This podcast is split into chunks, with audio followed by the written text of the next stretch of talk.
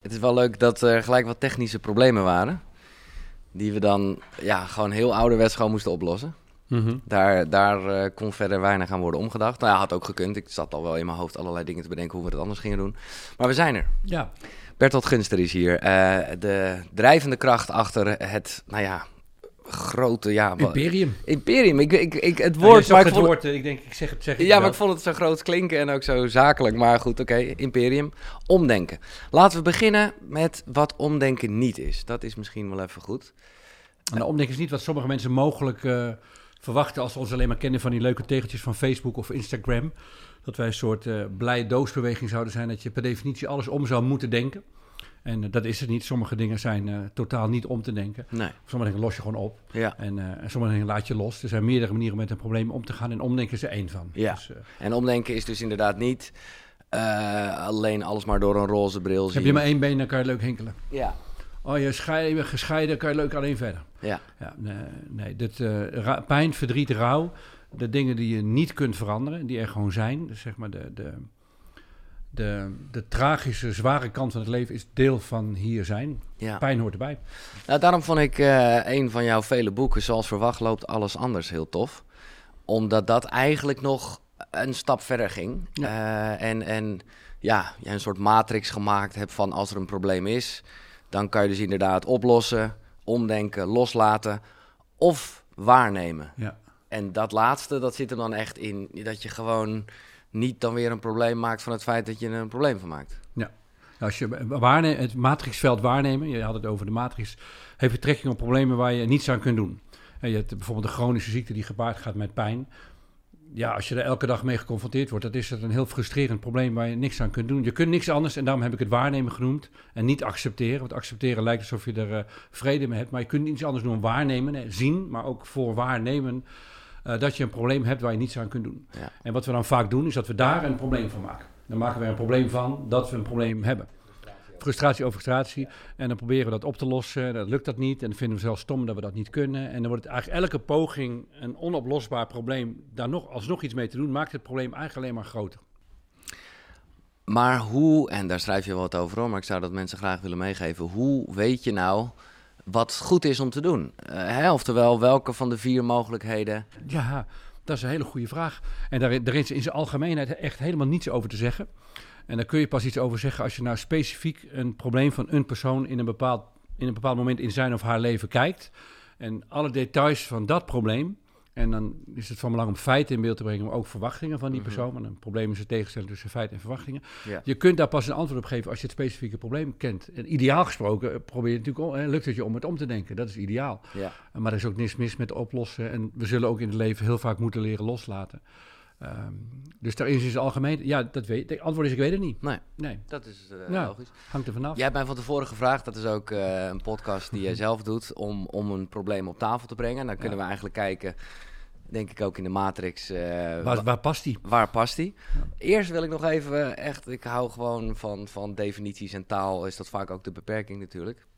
Ik vond ergens heel mooi, in een van je boeken las ik, dit vond ik echt de beste omschrijving, dat taal is als een landkaart. Mhm. Namelijk, ja, je, kan het, je kan het erop zien, maar ja, je, het is... Het is, Het is, nooit, het is nooit het landschap zelf. Nee, Dus hoe goed een theorie ook is en hoe logisch een, ehm, een verklaring ook klinkt, eh, het is altijd een poging zo dicht mogelijk de werkelijkheid te benaderen. En dat, dat moeten we vooral blijven doen, want we zijn taal en we zijn denken. ja. En alles wat we meemaken, vatten we in taal.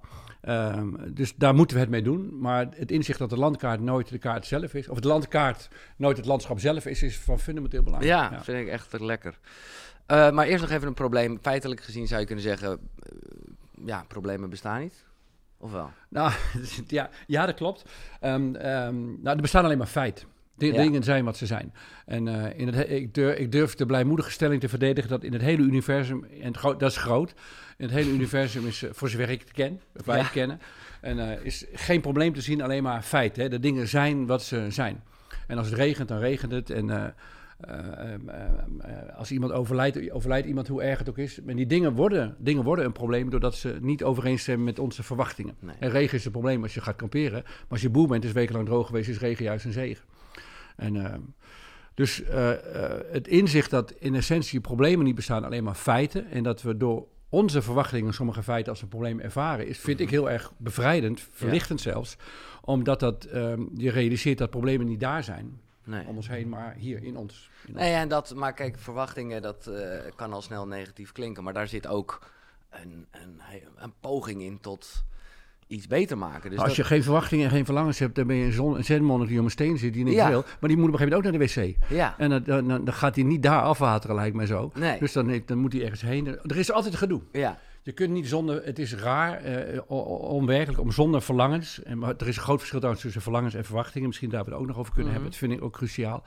Maar leven zonder verlangens, verlangens of verwachtingen is raar. Dat is net zoiets als een boom die zegt: Ik stop met groeien. Of, Ja. eh, dat zit gewoon in de mens om dingen te verlangen. maar laten we dat gelijk even tackelen dan. Je streept al iets af, zie ik. Ja, ja, ja. gehad. Absoluut. Hartstikke goed. Eh, nou ja, namelijk dat, dat ik heb hier staan probleem, mogelijkheid ehm, en, en bedoeling eigenlijk. En dat het Mhm. een creatieve energie is om, eh, ja, een, een wens. En ik heb hier dus ook verlangen staan. Ja. Eh, maar laten we even naar het verschil tussen verlangen en verwachtingen. Ja. In, eerste instantie is het probleem altijd de tegenstelling tussen feiten en verwachtingen. Met verwachting bedoel ik dus niet een weersvoorspelling, maar eh, een beeld dat jij in je hoofd hebt van hoe dingen zouden moeten zijn. Ja. Eh, een verwachting. Ik verwacht dat iemand me belt. Ik verwacht, als je van me houdt, dan verwacht ik dat je eens in de week bij me langskomt. Dat, dat soort verwachtingen. En, eh, maar onder elke verwachting ligt een verlangen. En eh, eh, ik heb een hele eenvoudige metafoor, heb ik ook een van mijn boeken gebruikt om dat te beschrijven. Het verschil tussen die twee. Als je een fles wijn hebt, er zit een kurk in, je wilt de kurk eruit draaien en de kurk breekt af, dan heb je een probleem, omdat het je verwachting is dat de kurk uit de fles gaat. En Ja. Dat is wat je, zoals het zou, eh, zou moeten zijn. Maar je verlangen is er uiteraard om de wijn te drinken. En dat kun je bereiken door de kurk uit de fles te trekken, ook door de kurk in de fles te duwen. Ja. Dus als je aandacht verlegt van je verwachting, wat er zou moeten gebeuren, hoe het zou moeten zijn, wat de bedoeling is, hoe het altijd gaat, wat ik van jou verwacht in een relatie, Ja. eh, eh, hoe de dingen zouden moeten gaan, de uiterlijke wereld, naar je verlangen, een innerlijke, een innerlijke staat van zijn, dan word je dus veel creatiever. Je kunt op meer manieren met een kurk in een fles omgaan, bijvoorbeeld. Ja, maar en is dan een probleem, want ik, ik snap wel het verschil, maar een probleem kan toch ook soms echt verlangen versus feit zijn? Ja, dat, dat, daarvoor moet je dus naar een heel specifiek probleem gaan kijken om te onderscheiden. En bijvoorbeeld iemand, je zou kunnen zeggen, mijn verlangen is het dat ik een, eh, als, als alleenstaande vrouw een Ja. man op de bank. Maar ik zou, dan, ik zou dan eerder zeggen, het is mijn verwachting dat ik door een man op de bank te hebben, dat mijn verlangen naar verbondenheid vervuld wordt. Ja. En heel vaak, in, in taalgebruik gebruiken we die twee helden door elkaar. En ik doe dus een pleidooi voor eh, taalprecisie, om heel goed te leren onderscheiden met elkaar. ja. Maar wanneer gebruiken we het woord verwachting en wanneer verlangen? Want het verlangen ligt gewoon een laagje dieper, dat is de essentie. ja, verlangen zijn innerlijke staten van zijn. Ja, En wa- wat ons drijft, wat ons in beweging brengt. En eh, verwachtingen zijn beelden van hoe het allemaal georganiseerd zou moeten worden. Eh, dus verlangens zijn er, zijn er maar heel weinig ook. Eh, en, Edward Deci en Richard Ryan zijn twee psychologen die hebben een zogenaamde self-determination theory ontwikkeld. Hè, wat drijft ons nou? En ik eh, sluit me heel erg bij hen aan. En zij zeggen de meest fundamentele verlangens van de mens, wat mensen drijft om dingen te doen überhaupt, zijn het verlangen naar verbondenheid. ja, je gehecht, veilig weten, geliefd weten, deel zijn van een familie, relatie, gezin. Eh, autonomie, zelfstandig, autonoom besluiten kunnen nemen en eh, competentie. Het gevoel dat je competent bent. En als je gaat kijken naar problemen, dan kun je dus op het niveau van feit, verwachting, tegenstellings eh, analyseren. Maar het is eigenlijk veel interessanter om nog een laag dieper te kijken. Van welk onvervuld verlangen zit er achter deze, achter deze verwachting, achter dit probleem? Mm. Oké, laat ik even mijn case op tafel gooien. Ik heb het zitten klaar voor. Ja, Giel? waarbij ik, eh, nou ja, goed, laat ik niet allemaal eh, de dingen van tevoren De zeggen. kanttekening doen we al doen. wel. Ja, precies. Kijk, ik ben best wel oud al. Zeg tegen mij. Ja, Hoe Nee, oud ben jij? ik ben eh 44. Ik zou er heel veel geld voor over hebben om te mogen ruilen. Hoe oud ben jij? 63. Oh ja, ja. 19. Ah, dat is gewoon, dat is ziek. Ja, Dat, ja. Dat, dat, is, dat getal past helemaal niet. Maar goed, 44 is best wel oud. Ja. Ja. Nou ja, helemaal voor waar dit over gaat. Oké. Ehm, ik en mijn vriendin hebben nog wel het nou, verlangen, laat ik hem eh, gewoon maar Mhm. even ingooien, om eh, ouders te worden. Ja. En nou ja, er is een keer eerder hier iemand in de podcast ook geweest die daar bikkelhard over was. En echt Mhm. zei van ja, dat kan je niet maken. En ik neem dat, nou, ik neem dat best wel serieus. Kijk, Omdat, jij, omdat jij te oud zou zijn. ja, Eh, en hoe oud is je vriendin, als ik vragen een stuk jonger. Ja. Daar, is, daar, is, eh, ja. Daar geldt dit bezwaar niet. daar geldt dit bezwaar niet. Maar Ze is niet zoveel jonger dat je niet durft te zeggen, hoop ik. Nou, nou, eh, Ja. Oké, laten we in de midden. Nou ja, omdat goed. het dan weer gelijk zo'n ding wordt. En, en, Oké, maar het, eh, gaat, om- het probleem is ook niet haar, maar jouw leeftijd. Hè? Ja, maar natuurlijk eh, zit daar ook wel bij dat, dat verschil in leeftijd. Als in dat je ook weet, en daarom stel ik deze vraag ook van ja, kan ik het wel maken? Want eh, de kans dat ik een stuk eerder doodga dan zij is, is zeer aannemelijk. Ja. En nogmaals, ik, ik, ik- ja, het voelt gewoon heel erg goed. En, eh, maar ik vind toch ook bij zoiets belangrijks, ja, dan moet je daar ook niet helemaal overheen stappen. Dus ik vind het, of ik het echt een probleem vind, ja, misschien vooral ook wat, nou, niet zozeer wat de buitenwereld ervan vindt, maar gewoon ook echt daadwerkelijk voor het toekomstig kind. Maar als ik even met je meedenk, stel jullie eh, voegen de daad bij het woord. Ja, En eh, het, het gaat al een beetje, het gaat enigszins vlot. ja, Dan heb je dus een zoon of dochter, die is eh eh, 20 tegen de tijd dat jij ongeveer 64 eh, bent. 65. Ja. Dat is toch prima te doen. denk ik ook. Ik ben 63, kijk nou eens naar mij. Ja, Ja, dus maar als je een goed. beetje gezond blijft leven. En je- ja nee, natuurlijk. Maar Ja. jij hebt dat wel gewoon al veel eerder, als het gaat om het vaderschap. heb Ik was dat veel- 28, Ja, ja. exact, man. Maar mijn vraag aan jou is, is eh, eh, eh, ben je het daarmee eens? Dat, eh, dat leeftijd in relatie tot het kind geen... Je hebt leeftijd in relatie tot het kind en in relatie tot je vrouw. Dat zijn natuurlijk Ja. twee verschillende problemen. Ja, nee, in relatie tot je kind is het toch eigenlijk geen probleem, of wel? Ja, of vind je het wel een probleem? Nee, ik vind het dus geen probleem. Nou, dan is het klaar. Dan is het geen probleem. ja, Dan, is, dan is geen probleem, toch verder? Wat, wat, waar, waar zit je twijfel nu dan nog? nou, bij het feit dat ik dat natuurlijk niet over... eh, ja, eigenlijk is dat eh, een keuze die ik nu al maak voor het kind. Hè, dus dus ik, ik, ja, dat is een beetje... Ja, dat is een, ik, ik hou meer van problemen die nu gewoon aan de hand zijn. Want dan heb je het ergens over. In plaats van dat je heel erg gaat eh, mijmeren over de toekomst en als, als, als. Maar in dit geval, bij zo'n belangrijk iets... dacht ik wel van, nou, als ik iets hier ter tafel kan brengen... dan is het wel dat, omdat ik dat... Ja, dat weet je dus gewoon niet. Maar je weet het natuurlijk nooit precies Nee. wat jij zegt. Het is, heel, het is heel dom om onverantwoorde risico's te nemen. Ehm, eh, maar eh, wat, een, een zin die mij enorm bevrijd heeft, is de zin... je kunt de toekomst niet voorspellen. Nee. En dat geldt ten goede en dat geldt ook ten kwade. Eh, en heel veel van onze angsten en zorgen zijn gebaseerd op negatieve scenario's, wat er zou kunnen gebeuren. Of heel veel naïeve besluiten zijn genomen op positieve fantasieën over wat er allemaal, hoe het allemaal leuk verder gaat in de toekomst. Maar allebei is het een gok. En het enige wat je kunt doen is op basis van wat je nu weet, zo verstandig mogelijk besluit nemen steeds. En zo proberen te leven. En dan nog kan het anders gaan. Dat boek, het laatste boek heet niet voor niets zoals verwacht loopt alles anders. En dan zou ik zeggen, als ik nog even met je mee mag eh, denken. ehm, ja, als het gaat om, ben jij niet een te oude vader voor- je toekomstige kind? Mhm. Het antwoord lijkt mij dan, dat antwoord lijkt me nee, toch? Vind ik wel. Nou, ik ook, dan zijn Maar als het gaat over, over, jij noemt het woord verstandig. Kijk, ergens kan je ook denken, nou, hè, bij twijfel niet doen. Of eh, uit een soort verstandigheid van, ja, eh, ja ik, ik, ik weet nu al, ik ga het niet doen hoor. Want, eh, Je gaat het niet doen. Jawel, nee, ik bedoel, ik ga me daar niet aan houden. Oh, nee, nee, nee, nee, nee. Wat krijg, ik krijg nu te horen dat het ouderschap, dat Nee, je daar nee, een streep nee, nee. onder zet. Maar ergens vind ik daarom, ik, ik, ik, ik, ik wil er ook niet, niet over nagedacht hebben. Maar, Volgens, mij, volgens mij weet je het al lang. ja, Ja. Dus dit is, dit, is, dit is iets wat je bezighoudt, maar niet echt een reëel probleem. nee, Nou, gefeliciteerd. dat is het. Ja. Hè, dan was hij toch... eh, Nou, de grap was in, in het, want ik had van tevoren aan jou gevraagd, heb je een probleem? En, Ja. toen, en toen hadden we wat heen en weer gemaild en zo. En toen dacht ik, maar hij moet toch iets hebben met vaderschap of ouder willen worden. Op jouw Ah, ja. leeftijd is het toch Oh, iets wat je bezighoudt? ja. Dat, dat had ik zelf al bedacht. En toen dacht ik, als hij er niet over begint, dan vraag je het een keer wel. Maar het is nu, eh, we hebben Ja. het erover gehad. Ja, bij twijfel niet doen. Ik weet het niet. Als je, als je twijfelt, neem alle variabelen serieus. Maar ik zou zeggen, als je het gedaan hebt, eh, eh, bij twijfel doen. ja. Ja, ja. Mensen doen ook stomme dingen. Hè? Ik zeg niet altijd doen. Nee, maar Nee. Bij, bij twijfel, nadat je alles serieus hebt over... Het, het leven is... Ik denk het leven is of het avontuur of, of, gewoon, ja, of niks. Ik vind een hele mooie. eh, even kijken, waar stond hij? Ik denk eh, in deze. Omdenken. even kijken.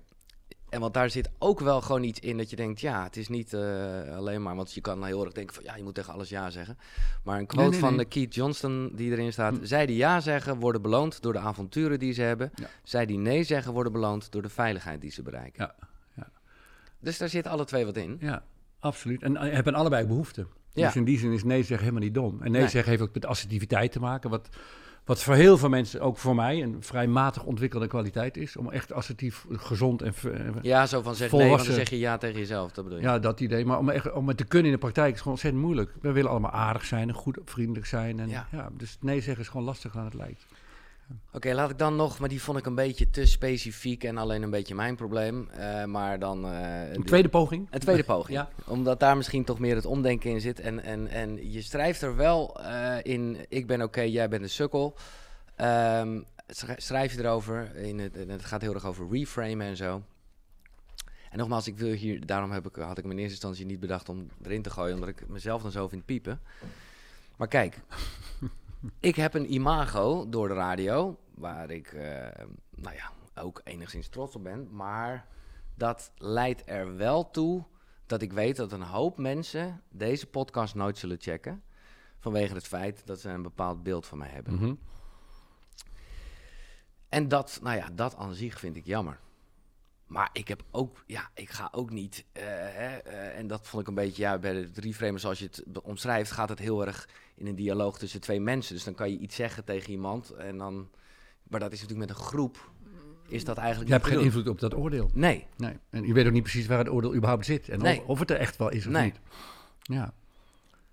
Maar, ja. Dus is jouw vraag dan Um, zonder te willen piepen. Ja. Uh, hoe uh, zit mijn voor, uh, in hoeverre is mijn vorige imago een probleem? Zit het in nou de weg om mensen open te krijgen voor wat ik nu doe? Kijk, feitelijk gezien is natuurlijk jouw kracht van het omdenken dat je van het probleem de mogelijkheid maakt. En dat je, dat je dat juist de stuwende kracht laat zijn. En ergens, dat heb ik bijvoorbeeld heel erg gemerkt toen ik nou ja, heel erg ging werken aan mijn lijf en een sixpack en mhm. toestanden dat werd juist een soort kracht. Omdat je gewoon dacht, jezus, die gast die nou sigaretten rookt en, en, en cola drinkt... en die gewoon bekend staat als eh, een van de meest ongezonde personen van Nederland...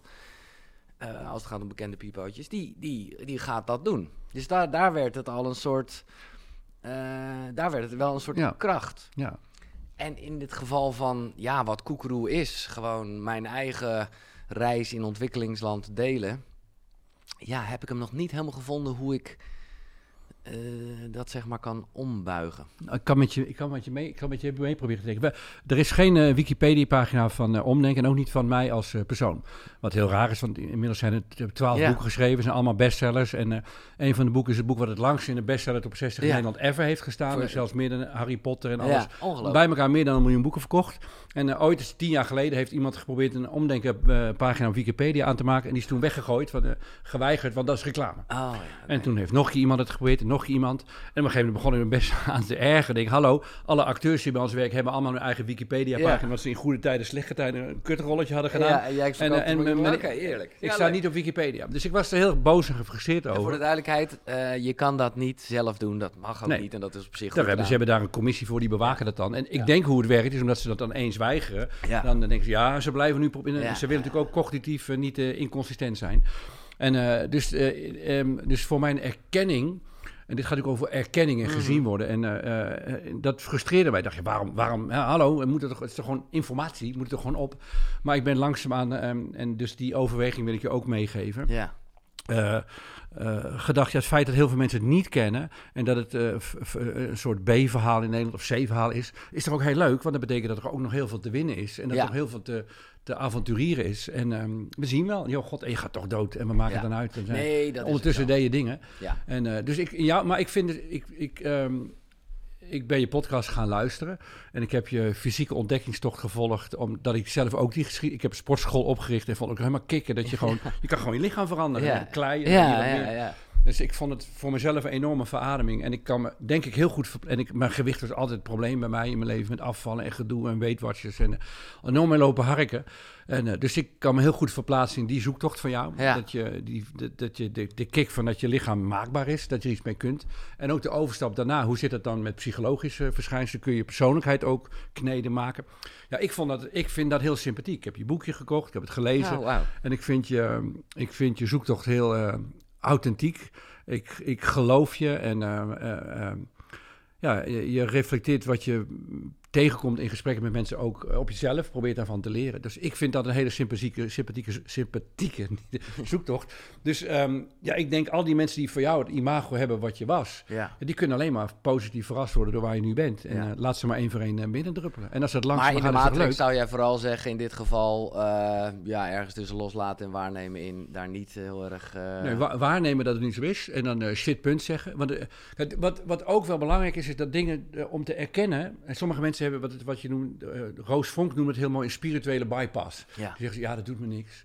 Oh, daar sta ik boven. Ja. En eh, ja, het is gewoon liefde. Terwijl die mensen zijn gewoon fucking boos. Dat merk je in alles. Ze zijn gefrustreerd. Dus gewoon zeggen dat je boos bent, of dat je gefrustreerd bent, of dat je ervan baalt dat een oud imago je in de weg zit, is allemaal, want dat doet het met je. Ja. Dus de, en dat hoort dan in het matrixveld waarnemen, zou je kunnen zeggen. En eh, zolang het je irriteert, kan, kan je het ook niet loslaten. Dat geeft niks, dan Nee. neem je het waar. Ehm, en, eh, maar het is heel erg fijn om naar problemen te kijken als, als creatieve energie. Dus is frustratie. Ja. En om daar gewoon bij te blijven en daar niks mee te hoeven. Dus niet loslaten. Dus mijn aanbeveling aan iedereen is ook... als je een probleem hebt waar je niks mee kan... ga het niet oplossen, want dat Nee. heb je natuurlijk al lang geprobeerd Ja. tegen jezelf zeggen, nou laat het los. Dat lukt gewoon niet. Heel veel dingen zijn gewoon irritant. Gewoon blijf bij het probleem. Gewoon het probleem omarmen en het koesteren. En dan, tjop, dan is het mooiste als het dan ineens plop overslaat naar Ja. omdenken. Dat is, eh, Ja. dat is de ideale route. Maar daar heb je dus geduld voor nodig. En het vermogen om pijn te kunnen leiden. Wat ook heel belangrijk is. Gewoon pijn kunnen leiden. Frustratie kunnen dragen. Dat is volgens mij een van de belangrijkste lessen van levenskunst. Is dat je leert dat het leven heel vaak pijnlijk, frustrerend Ja, en dat vind verdrietig ik is. mooi. Dat is op een gegeven moment ook wel de, de ondertitel geworden dat Koekeroe er niet is om eh, je beter te voelen, maar om beter te worden in voelen. Ja, absoluut. Heel erg waar. Ja, Ja. ja. Ik vind het mooi. Ik, en ik- voelen is moeilijk hoor. Het is Ja. gewoon voelen wat je voelt. ja, We willen, zo graag, we willen zo graag iets anders voelen dan we voelen. Ja. En daar zijn we, daar zijn we heel goed in. Zeggen, ah, ik ben er gelukkig mee. Ja, echt niet. nee. Ja. Nou, ik vind wel echt, ik, ik, ik waardeer heel erg je compliment, omdat er ook momenten waren dat ik dacht, oh, die Bertolt vindt het waarschijnlijk verschrikkelijk wat ik doe, omdat jij ook ergens zegt, eh, ga jezelf niet veranderen. En ja, maar goed, ik denk ook niet dat ik mezelf aan het veranderen ben, maar vooral meer naar de kern eh, aan het gaan ben. Nou, wat ik, wat ik, wat ik goed vind aan eh, wat jij doet en wat ik iedereen kan aanbevelen, en ik hoop het zelf ook te doen, en vanaf jonge leeftijd al, is te kijken naar waar kan ik mijn gedrag eh, bijstellen, veranderen. Waar, hoe kan ik, waar, als, het, als het vastloopt, als dingen niet gaan, eh, wa- wat, wat zou aan mij kunnen liggen? En wat zou ik anders kunnen doen om te zorgen dat het leven een beetje... Als we met omdenken aan een missie hebben, dan zou ik hem formuleren als het, het leven wat leuker en lichter maken. Ja. En dat, heel vaak kan dat. Soms kan het helemaal niet. Nou, en we zitten onszelf zo ongelooflijk vaak in de weg met van alles en nog wat. Ja. Is toch heerlijk als je die ellende kunt opruimen? Nou, precies, want ik vind deze en ik snap hem hoor, maar ik vind hem toch al wel weer wat ook altijd een beetje mijn eh, aversie is tegen het term als geluk en zo. Dat als je zegt leuker en lichter, dat dat dus niet, maar ik, denk ik denk, eh, we begrijpen elkaar, maar dat dat dus vooral niet is... eh, Te zwaar te ontkennen. Ja, Nou, maar ik denk dat wij, wat dat betreft, ik heb ook enorme aversie tegen alles met geluk, succes Ja. en maakbaarheid. En eh, hè, jij zei ja jij zegt ook het leven is niet maakbaar. Nee. bam. Nee, het leven is Nee. niet maakbaar. Nee. En, eh, eh, maar in sommige opzichten wel. Hè. Als je zegt, ik ga morgen afwassen en nou, met een beetje geluk lukt dat dan wel. Dus, dat, dus het is, in zijn algemeenheid is het ook weer een te bouwde uitspraak. Maar onder ogen zien dat je sommige feiten niet kunt veranderen. Eh, dus je neerleggen, en dat Ja. zou je als de zen-boeddhistische of religieuze of stoïcijnse grondhouding van het omdenken kunnen beschouwen. Eh, begint ermee dat je, sommige, dat je accepteert dat je sommige dingen niet veranderen kunt. Ja. En dat omarmen, en dat scheelt een hele hoop frustratie en dat scheelt heel veel ongeluk en onnodige, onnodige frustratie. Als je die uit het leven kunt halen, dan, eh, dan wordt het daardoor al een stukje lichter en leuker. Maar dat, ik snap jouw twijfel heel goed, want die deel ik zelf namelijk ook. Je moet niet als doel hebben dat je leven leuk of gelukkig, of, eh, dat je succes hebt. Want zodra je dat als doel stelt, dan richt je op de verkeerde dingen. Het gaat namelijk om verbondenheid, autonomie en competentie. Als het al ergens om gaat, Ja, ja, gaat het om die dingen. ja, ja, ja. En hoe ehm, zie je dan in dat licht? Kijk, jij hebt een fantastisch. ehm, ja, laten we daar gewoon even, want daar, daar wil ik echt even induiken. Spiegelen. Hè, Ja. Dat is eigenlijk verbinding, eh, contact maken. Ehm, nou ja, laten we even helemaal bij het begin beginnen. Om te beginnen wil je even uitleggen wat 55, 38, 7 is. Weet je het nog of niet? Want ik kan het ook erbij pakken hoor. Ja, dat is het race, racegetallen. Waarbij je moet onderzoeken wat wetmatigheid in die serie is. Klopt dat? Heb Ja, het goed ja, onthouden? ja, nee, het is Nou, het is in een van mijn boeken, dus het zou slecht zijn als ik het niet meer weet. Nee, maar het is, het is, eh, je, hebt, je hebt er nog wel wat Grappig dat je die eruit haalt. eh. Ja, vertel, ja. vertel. Oké, eh, het gaat over de manier waarop mensen met hun lichaam communiceren en hoe belangrijk dat is. En dan is er een psycholoog geweest die heeft de 55-38-7 regel. Hij kwam tot de conclusie dat 55% van wat wij communiceren met onze houding nee, te maken ik, heeft. ik, ik- ik dacht dat je iets anders bedoelde dan... eh, ja. Oh ja, 7% met wat we zeggen, dus de echte inhoud. En 38% de manier waarop we het Ja, zeggen. ja. Of de manier waarop we het zeggen, ja. Nou ja, vond ik eh, confronterend. eh, maar ook dat ik denk, oh ja, dat ken ik wel heel erg. Want ik ben aan het groeien in, in daadwerkelijke communicatie. Hoe zeg je dat? Gewoon lichamelijk eh, eh, mensen aankijken en, en dat soort shit. Ja. Ehm, maar ik ken natuurlijk wel heel erg, nou ja, wat jij, ja, ineens snapte ik afstemmen ook een stuk meer. Mhm. Met de manier waarop je iets zegt, ja, hoe belangrijk dat is. ja. Dat is even spiegelen. En dan heb jij het op een gegeven moment over omspiegelen. Mhm. Kan je uitleggen wat omspiegelen is? Ja, omspiegelen. Nou, sowieso, ik wil even een misverstand uit de weg ruimen. Mensen die spiegelen kennen vanuit verkooptrainingen. Ja. De, eh, eh, die kennen een deel van waar het voor staat. En de kunt eh, echt op, op diep niveau spiegelen. Betekent dat je eh, zo afstemt op het gedrag van de ander. dat je als het ware bijna één lichaam wordt. Dat je helemaal eh, samenvalt met elkaar. Dus het is niet alleen maar eh, dezelfde woorden gebruiken, mensen een beetje napraten en dezelfde handelingen verrichten. Dan Precies. is het echt... En, maar, en, en het lastige is, daar begint het wel mee. Want, als je, als, want de buitenkant is wat je, zicht, wat je ziet.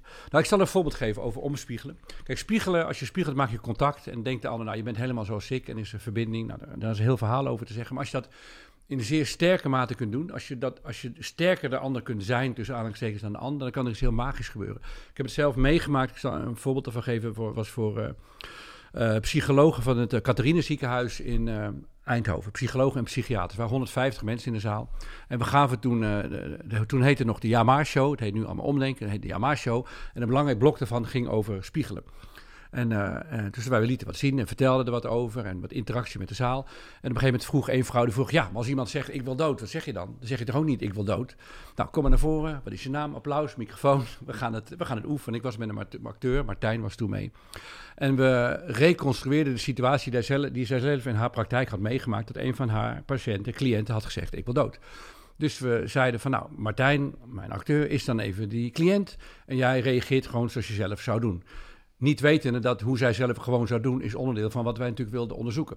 Dus Martijn, die acteur, ging dat spelen. We creëerden, hercreëerden die situatie. En hij zei op een gegeven moment, nou, hè, ik wil dood. En zij zei iets van de zin, joh, en, uh, maar er is toch nog zoveel leuks in het leven. Ja. Nou, zo speelden we dat na. Wat, wat mensen vaak met problemen doen, hè? contrasteren gewoon. Precies. Valt wel mee. Helpen. Zie dit. Ja. Ja. het is goed bedoeld, Helpen. maar het werkt Maar van geen averechts. meet. Nee. Nee, uh, nee, en als je dochter de verkering uit is, is 13 jaar in de wereld, valt in duizend stukken één, dan is het niet handig om te zeggen, joh, er zijn nog zoveel andere leuke... Nee.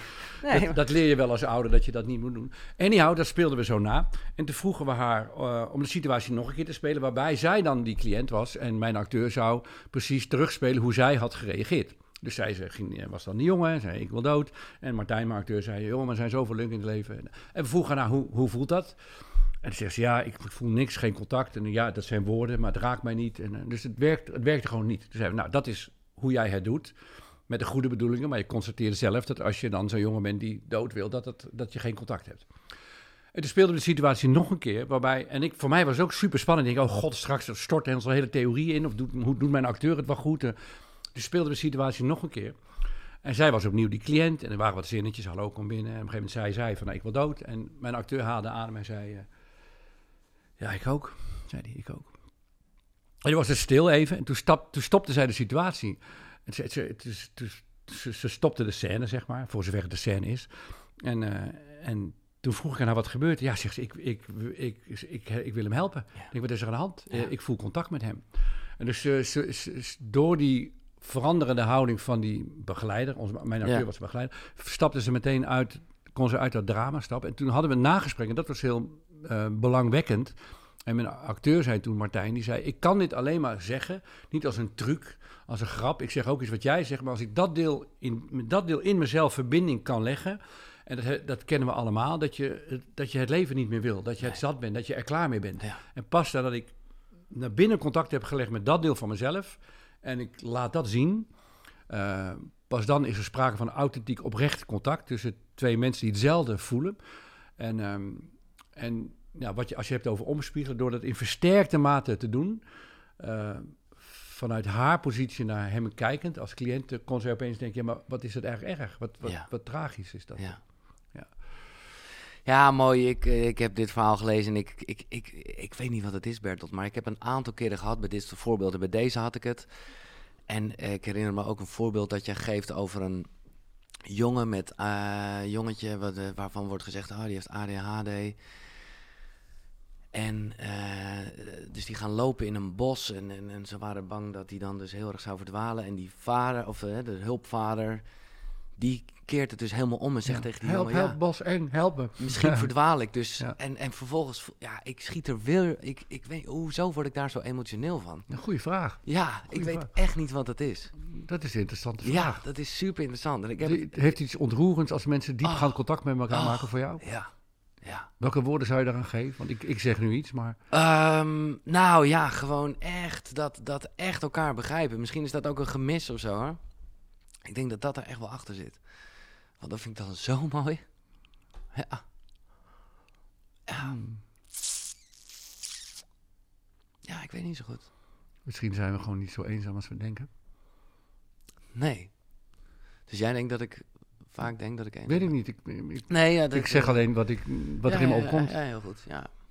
ja, misschien is dat het echt wel, ja. Ik vind het gewoon zo mooi. Ik vind het gewoon... En dat vind ik ook, weet je wel. Dat, we zijn met z'n allen... Uh, we nemen dit op een dag na Koningsdag. Ja, dat vind ik weer... Uh, in alles een waanzin. Denk ik, wat zijn we toch een grappig volkje. Ja. Dat vind ik dan zo... Ja, uh, echt vertederend. Terwijl, ja, in mijn mediawereld is het alleen maar... Nou ja, is het heel gecontrasterend natuurlijk. En dit vind ik van die mooie... Ja, echt, dat is verbondenheid, John. Nou, dit gaat over het fundamentele verlangen naar verbondenheid. Ja. Het is een woord, maar daar valt Ja. liefde, trouw, loyaliteit, commitment vallen allemaal. Dat er gewoon, er is iemand voor je. Ja, Je bent niet alleen. nee. En eh, we, we hebben de illusie dat we individuen zijn. zijn fysiek zijn we dat ook, in, in, eh, in dit eh, bestaan hier zo. Maar we zijn natuurlijk veel meer met elkaar verbonden dan we ons vaak eh, realiseren. Ja, hoe spiritueel ben jij? Nou, daar heb ik een hele ambivalente verhouding mee. En eh, eh, ik ben het heel erg wel en heel erg niet tegelijkertijd. En eh, dus wel in de zin van dat er, er is veel meer dan wij kunnen weten. En ik sta er ook heel erg voor open dat er ook veel meer gekend gaat worden in de toekomst. Ehm, dus daar eh, sta ik enorm voor open. Ik ik heb ook een aantal boeken meegenomen die daar naar refereren. Ja. Eh, in ieder geval eentje. En eh, Maar je zegt net wel, we zijn allemaal verbonden. Dus dat, vandaar ook dat het in mijn hoofd eh, gelijk van dat is, dat is op zich een hele mooie, ja, je zou kunnen zeggen spirituele gedachte. dus ik, ik, ik, film mezelf- ik ervaar mezelf als een, spiritueel wezen. ja, Eh, tegelijkertijd heb ik er een ambivalente verhouding mee, omdat eigenlijk alles wat je erover zegt eh, al heel snel een soort gok wordt of een soort verhaal. Eh, van ja, oké, zal wel. Maar en ik heb enorme moeite. Omdenken bestaat uit. Omdenken begint met problemen. Problemen zijn tegenstelling tussen feiten en verwachtingen. Feiten is een kernwoord van omdenken. De, Ja. de dingen zoals ze Ja. zijn, die je vast kunt pakken. De, ja, dat we hier oh, zijn.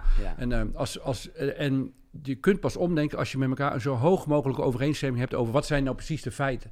En dus daar waar ehm, mensen aan eh, verhalen produceren over zo werkt het, of zo zit het in elkaar, of eh, er is een leven na de dood, of na de dood gaan we een aantal stappen door, dan word je opnieuw geboren. En eh, ik sta heel erg open voor dat er van alles waar zou kunnen zijn. Alleen eh, zolang er nog niet aantoonbaar iemand is teruggekeerd vanuit het hiernamaals, zodat we het hebben kunnen filmen, dat meerdere mensen er waren.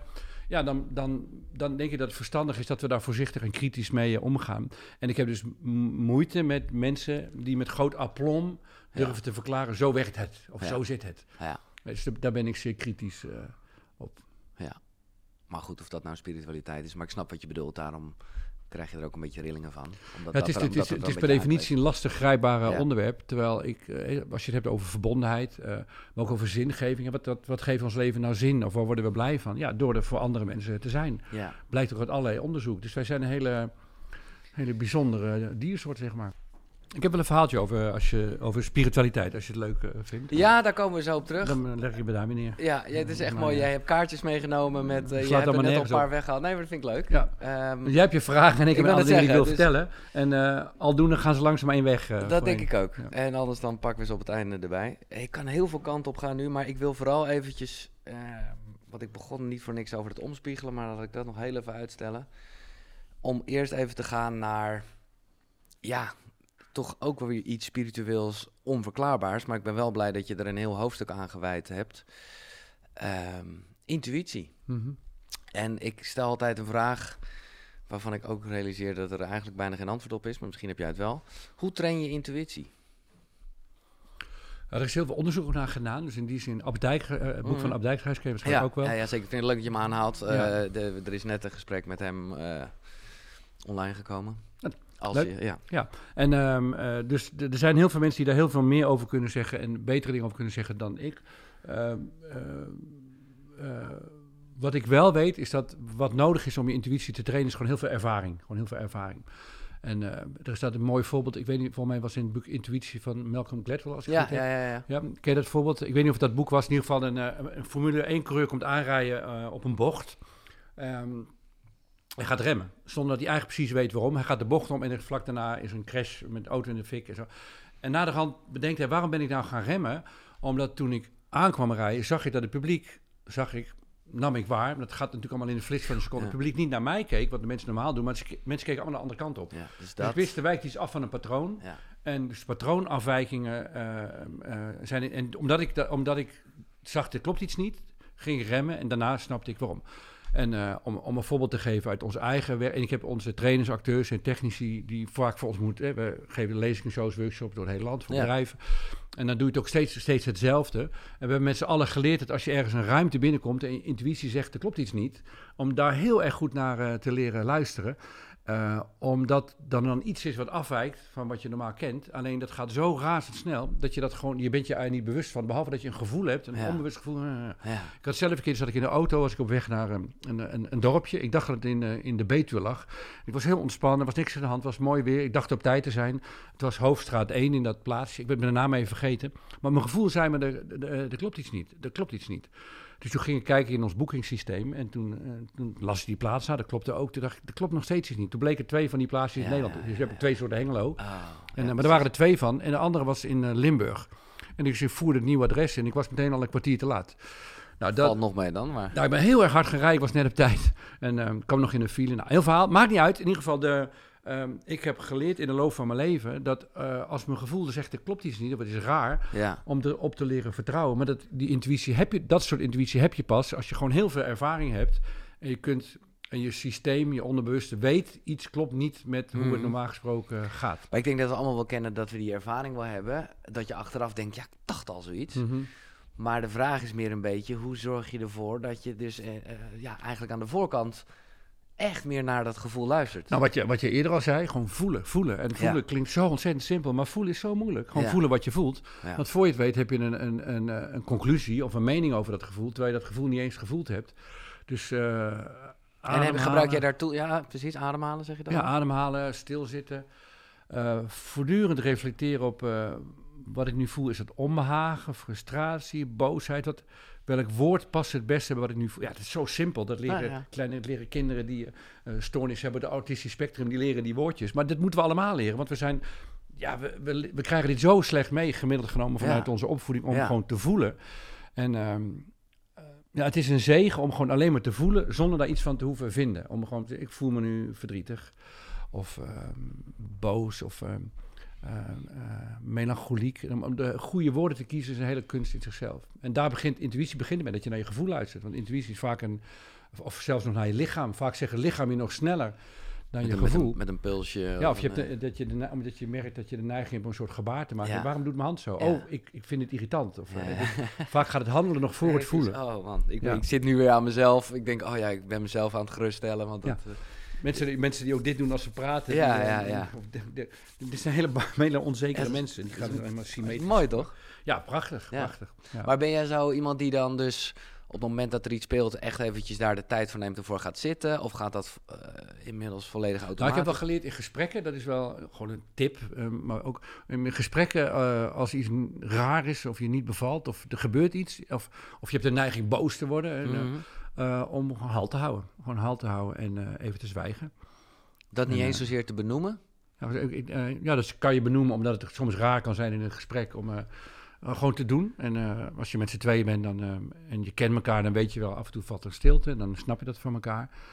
Maar om zeker daar waar je boos wordt naar binnen te gaan. en, en dan te onderzoeken, wat voel ik nu dan precies? Voel ik me afgewezen? Voel ik me gekwetst? Ja. Heb ik het gevoel dat ik onrechtvaardig behandeld word? Ben ik gewoon terecht boos? Omdat ik, uh, uh, dus wat gebeurt er nu precies? En halt houden is dan heel zinvol. Gewoon halt houden en naar binnen gaan, voelen. Ja. Rustig ademhalen. Ja. ja, waarbij je dan, maar dat is gewoon meer nood to zelf, dat je dat niet dat moet ook weer geen bevroren situatie worden. Nee, bij, bij mijn stilte is een lange stilte is bij mij ongeveer een seconde of acht of zo. Ja, ja daar is het waar. ja, dat, nee, precies. Ja, je nee. de, als je er heel erg lang over moet gaan, als je heel erg lang moet voelen en denken, dan is de kans ook groot dat je ver van het gevoel ja, af zit. Nou ja, dat is het meer een beetje. Ja. Oké. Waarom ik over dat omspiegelen begon, uh, toen we hadden het namelijk over accepteren daarnet. En um, ja, je, je en dat vind ik een beetje daar lijkt een soort paradox in te zitten. Mhm. Dat je hè, met omspiegelen ja, toch iets wil veranderen, wat je dan blijkbaar niet accepteert van diegene.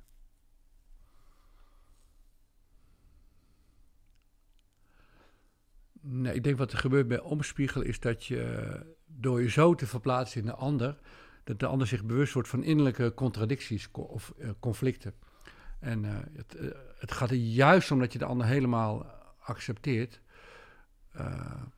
maar vreemd genoeg kan vanuit acceptatie, dat zegt Jung, Jung zegt het ook heel mooi, de hoogste vorm van verandering is acceptatie. Ja. Dat als je iemand helemaal accepteert, of als je een situatie helemaal accepteert en je verzet staakt, dan kan er juist van daaruit een transformatie of een verandering of een beweging ontstaan. Terwijl het verzetten tegen de ander willen veranderen, zet Ja. het juist vaak uh, op slot. En, uh, Ja, maar goed, kijk, het, het, het, een voorbeeld wat jij uh, schetst, en dat is gewoon lekker makkelijk, maar daarom juist ook wel goed. Uh, je stoort je aan iemand die uh, de hele tijd zijn sokken laat slingeren. Mm -hmm. Jij zegt, nou laat niet alleen zelf je sokken slingeren, maar uh, doe even helemaal niks meer in het huishouden en laat alles staan. Dan zal dat, dan zal je, ja, dan, dan ben je aan het omspiegelen. Ja, omspiegelen dat je er zelf ook nog wat sokken bij gooit. Ja, nee, ja, precies. nee, ja. ja. Maar daar zit, dat is, ja, dat is niet accepteren dat diegene, uh, snap je, daar zit nou, wel... Als je, serieus, als je de, dit is een heel plastisch, concreet, ja, uh, dat, beetje een lullig voorbeeld. Maar ik hou ook van plastisch, concreet, een lullige voorbeeld. Ik ga helemaal mee in je voorbeeld. Kijk, als je echt omspiegelt, uh, als je, als je... Kijk, als je er gewoon aan ergert, zeg het en ga hebben het erover, klaar. Maar als je... Als je dit zijn trouwens van die dingen in een relatie heel erg lastig zijn te veranderen. Dit, dit zit, maar ook een heel verhaal kan ik er nog van alles over zeggen. Anyhow, op het moment dat je een partner hebt die sokken laat slingeren en jij doet dat niet en je stoort je eraan, op het moment dat je de situatie echt omarmt en onderzoekt van wat gebeurt hier nou, wat gebeurt er als je zelf spullen laat slingeren? Misschien bevalt het jou ook wel en misschien merk je dat de ander daardoor gewoon net iets sneller opruimt dan jij. Misschien is het wel zo dat jij door spullen alsmaar op te ruimen de ander ook um, ja, zijn spullen laat, rond laten slingeren. Dus het, ja, je uh, doet het ook echt een beetje voor jezelf. Zeg als zelfonderzoek. Het gaat om zelfonderzoek. Daar gaat het om. En uh, uh, zodra je het doet vanuit kritiek of commentaar op de ander, maar, met, uh, maar als je draait, dan werkt het natuurlijk niet, want de ander voelt dat toch wel. Ja. Maar als je draait het met een soort speelsheid of een soort plezier. Ja. Nou, laat ik een voorbeeld geven. Er kwam in, in, in onze podcast, we hebben ook een podcast, ja. kwam een jonge, jonge nee, maar oh, mag ik niet zeggen, binair, een binair iemand. Dus, die, met die wilde wonen. Nou, ik moest even leren hoe spreek ik dat aan. Nou, superleuk gesprek. Robin heet die. En, maar Robin. Uh, Robins ouders weigerden de nieuwe naam te gebruiken. En de oude naam verwees naar de voormalige staat van zijn. En dat was dus een heel frustrerend, want mijn gast in de podcast, die woonde nog bij die Hense ouders. Ik, ik weet, nee, jij, maar, kan jij het beter nou, ik? Nee, niet, ik kan het zeker niet beter. Ik vind Doe je heel best. goed. Ja, Doe mijn best. Uh, Robin woonde nog bij, bij de ouders van Robin. En die ouders weigerden dus consequent om uh, een nieuwe naam te gebruiken. Want hun argument was, uh, wij, jij bent geboren, wij hebben een naam voor jou bedacht, zo iemand ben je dan. En ja, voor ons ben jij die persoon. En uh, Robin had er grote moeite mee. Toen zei ik tegen Robin, en dat zou, zou ik dus een voorbeeld van omspiegelen kunnen noemen. Nou, dan noem jij je vader gewoon Henk ja, en je moeder noem je gewoon Ingrid. En dan uh, zeg waarom noem je me Henk? Nou, ik heb gekeken naar wat voor iemand jij voor mij bent. Jij bent voor mij echt een Henk. En dat vind ik de naam die bij jou past. Oh. En uh, doe het als spel en met lichaam en plezier. Omdat je, en dat is, dat is het omspiegelelement ervan. Wat je daardoor kunt doen, is dat je hopelijk je ouders kunt laten voelen... Ja. wat het effect is wat zij met jou doen. En, uh, en als je dat doet met een knipoog, niet agressie of boos, maar met een knipoog en met plezier. Uh, wie weet dat daardoor het ijs kan breken en dat zij beseffen, oké, okay, misschien een beetje flauw dat we niet de nieuwe naam... Uh, nou, dat is een, een heel klein voorbeeld, wat ik dus zelf iets, ehm, iets, iets meer diepte vind hebben dan het slingeren. Ja. Ja. Slingersokken zou ook een heel super interessant onderwerp. Ehm, maar in dit voorbeeld vind ik iets meer recht doen aan wat je beoogt te bereiken door om te spiegelen. Ja. Nee, maar ik, heb, ik, en ik voelde ook wel, natuurlijk zit het goed. Maar ik dacht toch van ja, is dat dan accepteren?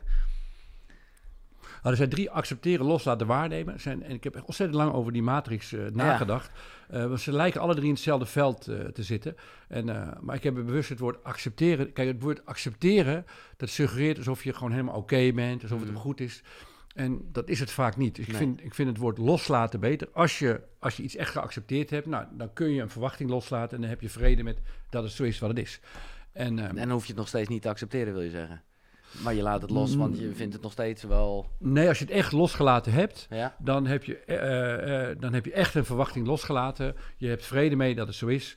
Eh, stel, je bent pro- profvoetballer en, en op een gegeven moment ben je 28, 29, 30, 31. Ja, er komt een moment, dan zul je moeten loslaten dat je carrière ten einde is. Nou, dat kost tijd, moeite en frustratie. Je moet onder ogen, je moet accepteren onder ogen zien dat je ouder wordt. Ehm, maar als het je lukt, je verwachting loslaat dat je nog steeds op dat hoge niveau zult moeten voetballen. Als het je echt lukt, heb je er vrede mee en dan kan een nieuw deel van je leven gaan beginnen. En dan ben je er niet meer verdrietig of boos over. En met waarnemen bedoel ik dat je het probleem ervaart en ziet en dat je er gewoon wel een probleem hebt. Je neemt waar, ik ben gefrustreerd en boos. Dus daarom, eh, ik vind eigenlijk loslaten en waarnemen beide betere woorden. En het woord accepteren Ja, vermijd ja. ik zoveel mogelijk. Oké. eh, Helder. Een beetje taalkundige toelichting. Nee, maar- maar dat is, daar, daar zit een hoop in. al blijft het... En als mensen zeggen, joh, je moet het gewoon accepteren. Hè? Wat, wat bedoelen ze dan? Bedoelen ze, je moet, moet het loslaten of je moet ermee leren leven? Wat bedoelen ze? Dus Ja. als mensen het woord gebruiken, is het ook verstandig. Wat bedoel je als je dat zegt? Nee, dat is hetzelfde als, eh dus wel vaak hier aan tafel eh, gaat het over vergeving. Ja, ook zo'n woord. Dat, ja, waar, en dat is ook maar net wat je ermee bedoelt. En dat gaat er natuurlijk vooral helemaal niet om dat je het niet erg vindt wat iemand anders gedaan heeft. Nee. Terwijl dat in de volksmond misschien wel zo wordt gebruikt. Terwijl het meer gaat om de, om de kunst is om innerlijke rust te vinden. Ja. En je niet meer achtervolgd te laten weten door wat er is gebeurd in het verleden. Jij stipte net eh, relatie aan en je zei zo van snel, daar valt nog een hoop over te zeggen. Ik weet niet wat je... eh, eh, kijk, wat ik heel gaaf vond... En ik heb toch al best wat eh, boeken gelezen over relaties en dingen. Maar ik vond het heel mooi hoe jij eigenlijk relatie als een soort derde... Als een soort, Mhm. nou, ik weet niet of je persoon kan zeggen, maar in ieder geval... ja, je hebt gewoon jij en ik, of mijn vriendin en ik... En dan is onze relaties eigenlijk een soort derde entiteit die ontstaat. Een patroon. En een goede systeemtherapeut zal ook altijd zeggen, ik heb nooit twee cliënten, maar ik heb een patroon eh, op bezoek. Ja. En hoe mensen met elkaar, het weefsel wat ze maken met elkaar van verwachtingen en gedragingen en gewoontes, en waarbij de een voortdurend reflecteert op de ander, waarbij ook vast komen zitten in vastgeroeste patronen. Dat patroon is het eigenlijke onderwerp.